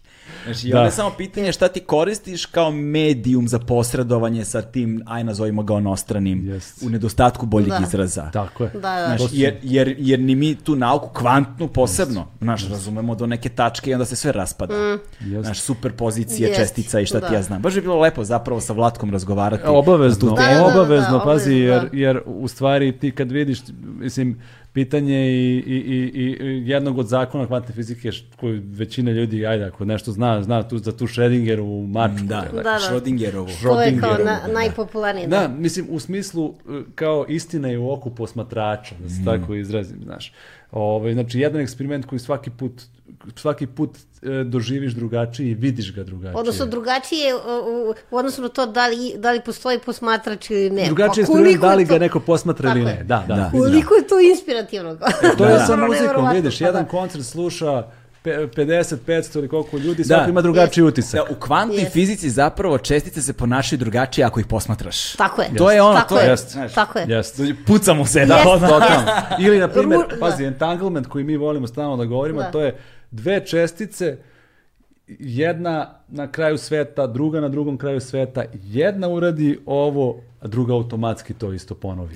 A to je neko ustrojstvo zapravo razumevanja kosmosa koji, koji je, koji, Da. koji je Uzajamna- povezan, uzajamnost, uzajamnost. uzajamna povezanost čestica bez Da. obzira na njihovu fizičku udaljenost. Jeste. Tako je, tako je, Tako da, da opet tako dolazimo do onoga, ne samo do onoga da e, ti radiš nešto, a misliš da je uzaludno, nego i da tvoje iskustvo i tvoj zapravo rad na, e, e, čini na kraju krajeva ne možemo mi, kratki su naši životi da bi ja postigao sve što ti možda postigneš, ali mogu da te zato da ti pristupim, da te pitam, da od tebe naučim, da. čujem, razumeš? I svi mi ugrađujemo to kroz naše iskustva, pravimo jednu, jedan svet, jednu celinu i, i, i ta povezanost je toliko očigledna, a povezanost u stvari o kojoj pričamo kroz ovaj projekat e, je u, uvek to, to kaže i Tesla, znaš, o, fundam- fundamentalno razumevanje sveta je kroz e, e, e, vibraciju i frekvenciju. Da. E, a Ali vidiš, ja- da. iz- reci, reci. Pa ne, ja sam samo da, da, da, da, uh, smatram da će uh, onoliko koliko budu kvantni fizičari uh, išli dalje u svojim nekim istraživanjima, uh, toliko će nama biti jasni ovaj svet. Pošto, pošto zapravo kroz kvantni svet neke stvari mogu lakše da se razumeju, što je onako jedan, zvuči paradoksalno, ali je zapravo tako. Evo to recimo sa te dve čestice, mi sad tu uopšte ne možemo da ukapiramo da se to dešava evo, u ovoj nekoj realnosti, ali se dešava. Ovo je samo jedan plan realnosti. Da, jedan, koji, je, jedan, da. jedan od planova realnosti. da, koji smo da. mi sposobni da razumemo i da doživimo. Pa ja volim Ja mnogo sam- to što da. si ti rekla, to, ajde izvini. Pa ne, ja sam sigurna da recimo sad evo, radi se na kvantnom kompjuteru, to nije ništa sad ne, neka fa- fantastika, postoje već ne, nekakvi rezultati, taj protok informacija se toliko ubrzava, ali eto, mislim, taj kvantni, odnosno izučavanje tog kvantnog sveta koji nije neki drugi nego je deo našeg, ovaj će u stvari nama pomoći oko nekih vrlo konkretnih stvari. Ali, da. ali mislim da je bitno, mi smo naravno tehnološki napredovali, ali kad sloniš tu tehnologiju, majke ti, šta zapravo, mislim, hoću kažem, e, ra- ljudski razvoj mora da prati i tehnološki razvoj mora prati etika. Mm. E tu mi dolazimo do onog pitanja s početka, znači kako mi da zadržimo tu etiku, nekad je tome služila religija koja danas nema tu Funkciju, e, funkciju, vrednost vrednost na a nažalost problem je problem u tome što su se e, što, što su po, e, poistovećena je religija i vera. To su dve različite stvari, mislim. Ovaj, tako da nama treba jedna etičnost u radu, istinoljubivost i u, i u naučnom radu u ostalom, da vidimo, da ne bi opet došli do onoga što ti kažeš, pa što se ja ovaj, bavim ovim kvantnim kompjuterima u stvari tolike godine. Da. Mislim, Da.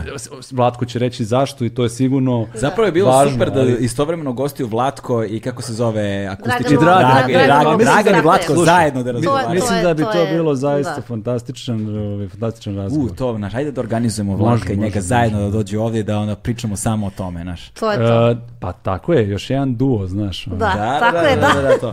Znaš, to je, e, Da. mislim, Naučni. Um, I sad, kao, sad pokušavam nekako, znaš, da, za, da, da zaokružim tu celinu, znaš, da je taj, taj, taj, hm, taj kvantni, uh, znaš, kako se to, kao taj kvantni način razmišljanja, odnosno ne kvantni način razmišljanja, sad sam se pogrešno izrazio, ali, znaš, ti projekti opet vraćaju tu jednu dimenziju na ono što je, znaš, negde kao i sam, naš početak razgovora koji smo vodili, razumeš, u, u negde, jer mi smo svi a, jer mi sad živimo negde u vreme tog, ja to volim da nazivam zaoštrenim individualizmom. Da, da. Da, da, da, da, to je I to ja je sada toliko, znaš, i to, to ja nas onemogućava da vidimo onog drugog sa velikim D, znaš, i da razmišljamo u kontekstu zajedničkog identiteta. I, I zbog toga imamo te različite efekte um, i ne, nikak, nikak, nemogućnost usklađivanja zbog silnih razlika, što kulturoloških, što klasnih, što obrazovnih, što ovakvih, što onakvih, znaš.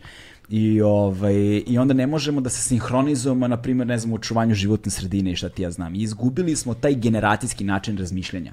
Jer ti kad si govorio Jest. na početku, a, kako evo, naš, sad, naš, mi dolazimo iz jedne jako duge tradicije, istorije civilizacije i sve što mi imamo da kažemo oslanja se. Mi stojimo na ramenima nekih divova koji su bili. Tako pre je, nas. tako je. I bez, i naš, a sa tim diskontinuitetom u tradiciji da mi mislimo život počinje, završava se sa nama, evo ja, genije, vidiš šta sam ja smislio, ne razumejući zbog nedostatka obrazovanja da se 3000 godina unazad umetnici razbijali glavu Jeste, o tu temu, jeste, jeste. Pa jer da. ti sada probijaš ledove koji su možda odavno probijeni, misleći Jeste. u sopstvenom neobrazovanju da si e, unikatan i autentičan, znaš. Što Jeste. Chili Gonzalez govo- govori, kaže, originalnost je vrlo često Da. popuno banalna. Jeste, jeste.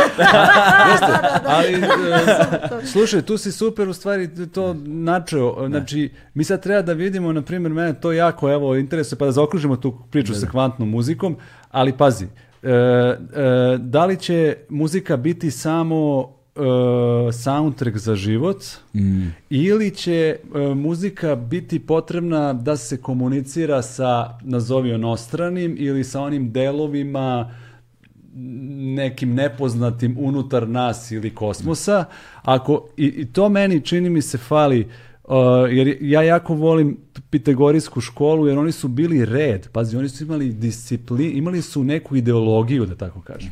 Znači, oni su strogo verovali u to da da, da se plan, da planete, im, zato imaš muzika, muziku sfera, da pla- planete koje se kreću, one prave određeni zvuk, određenu muziku, ili odnosno da je da, da se sa muzikom povezuješ u ostalom sa ajde kažem sa bogovima Da, da. i tako dalje i pritom su oni bili hardcore ono vegani mislim vrlo su imali stroga pravila života znaš i ja mislim da da je ako je 20. vek bio vek specijalizacija a ono a sad smo u nekoj toj multi interdisciplinarnoj sferi što opet sve može biti tako malo Da. E, da mi tu sad moramo da povežemo neke stvari koje smo isekli na neki način i koje, jer prosvetiteljstvo se vezalo samo za intelekt. I zato je intelekt post, postao toliko nadmoćan i, ovaj, i imamo takav tehnološki napredak. Da, to ali, Pa dobro, ali to ljudi je- da. pate i dalje, Da, to sam užasno negde slušao, pate. znaš, To je opipljivo i, Da. i vidimo ga. Jasno, jasno. Na, To- a naše ne. emocije evolutivno su i dalje na nivou praistorijskog čoveka. Da. Znaš, Da. Naše znanje je u kontekstu tehnologije na nivou srednjevekovnog čoveka, znaš, a naša, odnosno razumevanja, a naša tehnologija je savremena. Tako je. Da. Znaš, i mi sad imamo problem. Naš tehnologija je trenutno ko je ne, ne, neko je rekao kao kada, kada su Kini navodili a, razloge, a, kad su kada je Kina navodila kao svoje najveće neprijatelje, neko bi logično rekao kao da im je broj jedan a neprijatelj Sjedinjene američke države, ne, oni su rekli da je broj jedan neprijatelj kog se plaše tehnologija.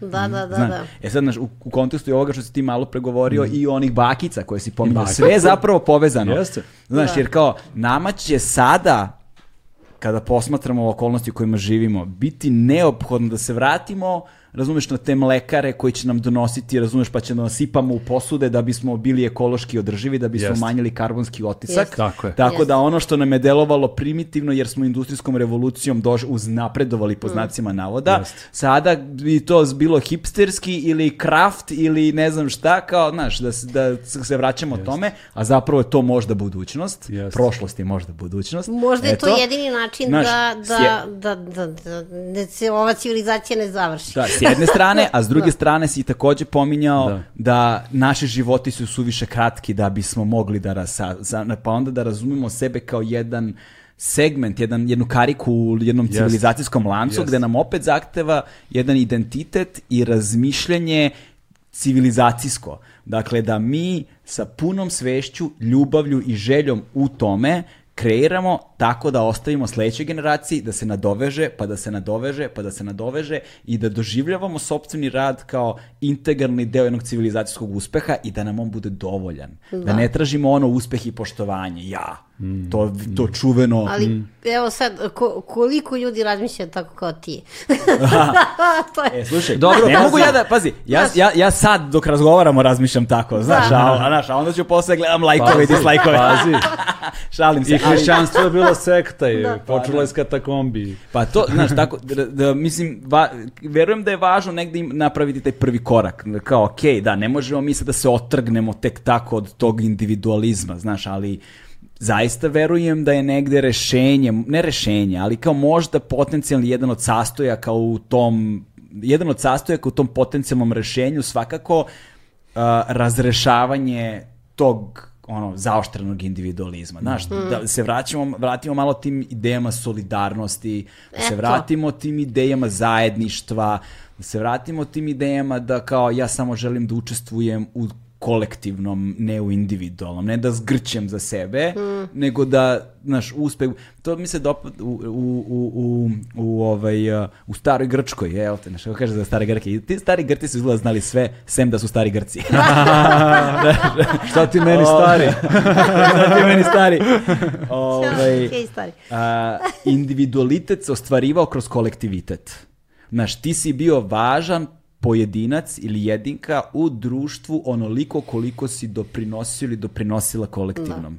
Da. Znaš, to je bio način da ostvariš individualno, kroz kolektivno. Individualni kolektivitet, nazovemo ga tako. Ta ideja mi se dopada. Da, pa znaš šta je to, a i drugo jedna... Gde smo stigli od Pazi, Da, da, da, jesmo, jeste. ali pričali smo i na onom razgovoru. Smatramo. E, mislim, ljubav, Da. empatičnost, e, mi smo malo okrenuti samo, znaš, samo gledamo ka sebi. Pa to. Ljudi ne vide, bre, Pa- idu, ne vidiš ulicom, pa ne, ideš ulicom, pa ne vidiš, ono, mislim, ne možeš ti da rešiš sad, da promeniš ceo svet, ali hoću da kažem, pazi, ti moraš nešto, nema tu kompromis, ti, ti da bi nešto postigao, Mm. ti moraš nešto da žrtvuješ. Apsolutno. Pa evo, Pa da. malo 2008. gori, malo ovamo, malo vi vežbate. Pa da, ima tu sad, Pa da. znaš, ono, ima tu sad, Vrati se vamo vežbaj. Bukvalno, pa da. Znaš, Znaš šta, neke stvari Ali- jesu žrtv, žrtvovane, u, u, u, žrtvovane. Pitanje je da li sad Pa- ja to ne doživljavam, ali su uskraćene. Da. A ovaj, ali hoću da kažem... e, kontekst. Znaš, da li je Tako žrtva je, ili tako je, uskraćenost zavisi od konteksta i šta ti sa tim kontekstom uradiš. Pazi, e, kažem, opet sa- ulazimo sad u neke teme možda, ali... e, Ezoterične. Uđi me, ezoterične i, da, i, i znaš, ovaj, to davanje i, i bilo je primjera u istoriji kad su ljudi dali svoje živote za, za neke više ciljeve i za druge ljude. Ja nisam siguran da je to danas ovaj, baš... Sve ređe, ali možda opet i mi ne Pa znamo. ne, znaš. A i mi ne ne, znamo. pazi. Možda da. mi samo ne znamo. Možda i ne Ja znamo, da. da Zato što, izvini, da. zato što nije klikabilno. Da. Znaš, zato što Nije- nije da. atraktivno. Da. A hoću da kažem, postoji veliki broj nevidljivih ljudi koji, koje, koje, koji nam nisu u fokusu, koje, koje zapravo obrađuju i odrađuju veliki broj stvari koje onda mi ne moramo. Jer svako od nas šta uradi i šta počisti, onda drugi ne mora. Znaš, Mislim, ja imam tu ideju. Znaš, to, to, ne, to razumevanje, da zapravo ti svojim životom radiš mnogo stvari koje, kojima meni zapravo pomažeš, ne mogu ja to da, ne mogu postignem. Znaš? Pa I da dobro, sva- naravno, kao Da. deo celine. Tako A dobro, da, ja, ja eto, mislim da, da. ako, ako se de, Nije bude sad, stvarno desio problem, ne znam, nema vode, nema, da će onda možda u stvari da se vidi ta neka, odnosno da li uopšte postoji solidarnost i kakvi smo postali ljudi umeđu vremenu. Strah je da u, u kontekstu klimatskih promjena, znaš, kada vidiš Da. promjenu, tad je kasno. Pa to je nešto Znaš, treba što, preventivno Da. delovati da smo već zakasnili. Mislim, mi, pro, evo, to je ono po, po, po proračunima, svaki čovjek proizvodi energiju kao ova neka sijalica. Sad, to je do, dosta. Da. Da, to je sad kad bi krenuli da računamo samo koliko ima sve više i više ljudi na planeti, pa koliko negdje sad mi da sedimo i da ništa ne radimo, mi ćemo već da pravimo. Ovi nekako, Kao kaže, da, među mi ćemo ljudima- već da zagrevamo. Ali ja smatram da tu tehnologiju koji Da. tehnologija je čovekov čovekovo stvaralaštvo i ovaj, maš, izmaštanost i da zapravo mi sad treba da vidimo da i u budućnosti tom, da o- obgrlimo tu tehnologiju, da, da, da jednog dana to mleko sipaš svom drugu robotu isto da i on popije. da. s- znaš, doći će trenutak za jedno 20 godina ćemo pričati, ali eto je to u razgovorima sa kvantnim fizičarima, pošto smo pitali profesora Molmera, Klausa Molmera sa Orhu, iz univerziteta u Danskoj, Orhusa, kako vidiš, za, šta misliš šta će biti za 20 godina? A On je rekao, Da. pa pazi, lj- ljudi će izgledati isto, ljudi vole da se tako oblače i ovo i ono, ali zapravo niko od nas neće više nositi mobilni telefon.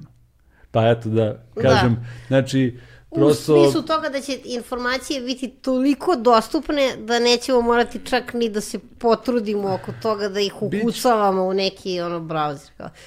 To je Da. ta, odnosno brzina razmene informacija će biti toliko velika. E sad, šta će to da donese nekom, nekoj svesti koja će biti tako brzo, mislim, ta A informacija kako će ćemo do- mi da pristupamo tome, jer pazi ti, evo, šta je Ne. energija, na nivou Da. energije, ti kad bi rekao sad da uzmeš nekog, e, kundali, da ne ulazim, kundalini joga, sad uzmeš nek, nekog da ti ne pokaže kako treba, ti kreneš da radiš neke vežbe, pukne te ta energija, poludiš. Ne znam šta će s tim da Znači, radiš, ti- da. Hoću kažem i, i to u smislu tog pristupa nekim informacijama i nekom, zna, nekom znanju i nekim svetovima, čovjek prosto mora da se priprema. I nekad je, zašto je e, u to bilo, ovaj, recimo, um, u nekim religijama tačno se znalo, ti moraš da, tebi se saopštavaju neke informacije u nekim periodima tvoje zrelosti. Sa 20 godina saznaš ovo, pa ti kažu sa 30 te upute u neka, nek- neka znanja, neke tajne i tako dalje. Tako da čovjek mora iskustveno da bude, mora, da- ne možeš ti, ja kažem, meni je danas jasno da mi je svaki proces značajniji nego, nego ova ploča koja sad stoji na stolu. Da. Ova ploča, ok, sad je to upakovano. To je finalni proizvod. Da, Da, da. ali taj proces, to je iskustvo, to je nezamenljivo. I koliko god da je teško u tom procesu, to je ono što je naš život i to je ono, to je ono stvaralaštvo, Da. razumeš? To, je, to su ti romani o kojima pišeš. Da, Hemingway je govorio kada kreneš na put, važan ti je cilj. Kada stigneš na cilj, shvatiš da ti je bio važan put. Tako je, A, je, da, znaš, jeste, to je. jeste, jeste. Znaš, između ostalog, kao, i, ovaj, i onda možemo kao da završimo u hrišćanskom ključu, znaš, kao, o svetopavlovskih poslanica Korinčanima, ljubav, vera, nada, od kojih je ljubav najvažnija. Može. Znaš, jer Da. na kraju Tako dana bez toga sve ostalo pada u vodu. Pa jeste. Tačno. A smo ga smatrali sada. Dok smo stigli, A smo dobro. ga smatrali. Ovaj, sljedeća stanica, Amsterdam. Sljedeća stanica je Amsterdam i ovaj, e, u Holandiji ćemo... um, e, ja sam uspio neku art rezidenciju da, da, da dobijem i Sonja je tu kao ekspert i onda ćemo ovaj, raditi u Delftu. Na, ovaj, univer- na u- tehničkom... na tehničkom- To je univerzitetsko uni- mesto, tako ono, je, između da. Rotterdama i Amsterdama. Jeste, jeste. I Blizu tamo- Haga. Tako je, da. I tamo ćemo sa kvantnim fizičarima i ovaj, um, I drugim naučnicima. drugim naučnicima sa odseka za nanoscience, nanotehnologije, raditi i pokušati da dalje komponujemo i čeka nas, i, i čeka nas ta sledeća godina, 22. gde baš treba se završuje projekat kvantna muzika i gde, gde, gde treba da stvorimo nešto novo, tako da se mi sad povlačimo. Jeste. polako. Malo se počnemo to da, da ne, nemamo, do, bit će taj jedan koncert u Amsterdamu i onda idemo čitanje, promišljanje, komponovanje, Komponovanje, do da. recimo jeseni, kad ćemo to da... Hibernacija. Sad ide, ne, ne je, hibernacija, da. sad ide, onaj, sad ide ona faza kumulacije. Jest. Kumulacija, da. Pritom pre A ja Polandi moramo snimimo da- još jedan album početkom E, da, januara. Novi album Dead Sea snimamo, on izlazi i onda mi malo onda idemo- se sklanjamo dok A možda da snimimo još nešto? obavezno. I. Obavezno, Obavezno. obavezno I to. razgovarat ćemo, razgovarat ćemo o tome. E, a, ljudi, veliko mi je zadovoljstvo, zaista, hvala vam, hvala vam, hvala vam Baš smo se lepo ispričali. Da, do neba, da, sad ne ćemo mi da nastavimo. ovako dobar razgovor. Evo ljudima da kažem samo nemoj, ne, samo nemojte da gubite ovaj, veru samo napred, ono, rad, To. idemo radimo, nema Ma stajanja. da, ma da. I nema stajanja. Ove, bez toga nemamo više ništa. Znaš, tako da nećemo se odreći posljednjeg oružja za naš opstanak. Hvala vam Tako puno je. još jednom, Hvala beskreno Hvala veliko tebi. zadovoljstvo. I to je to, stigli smo do kraja. Ćao.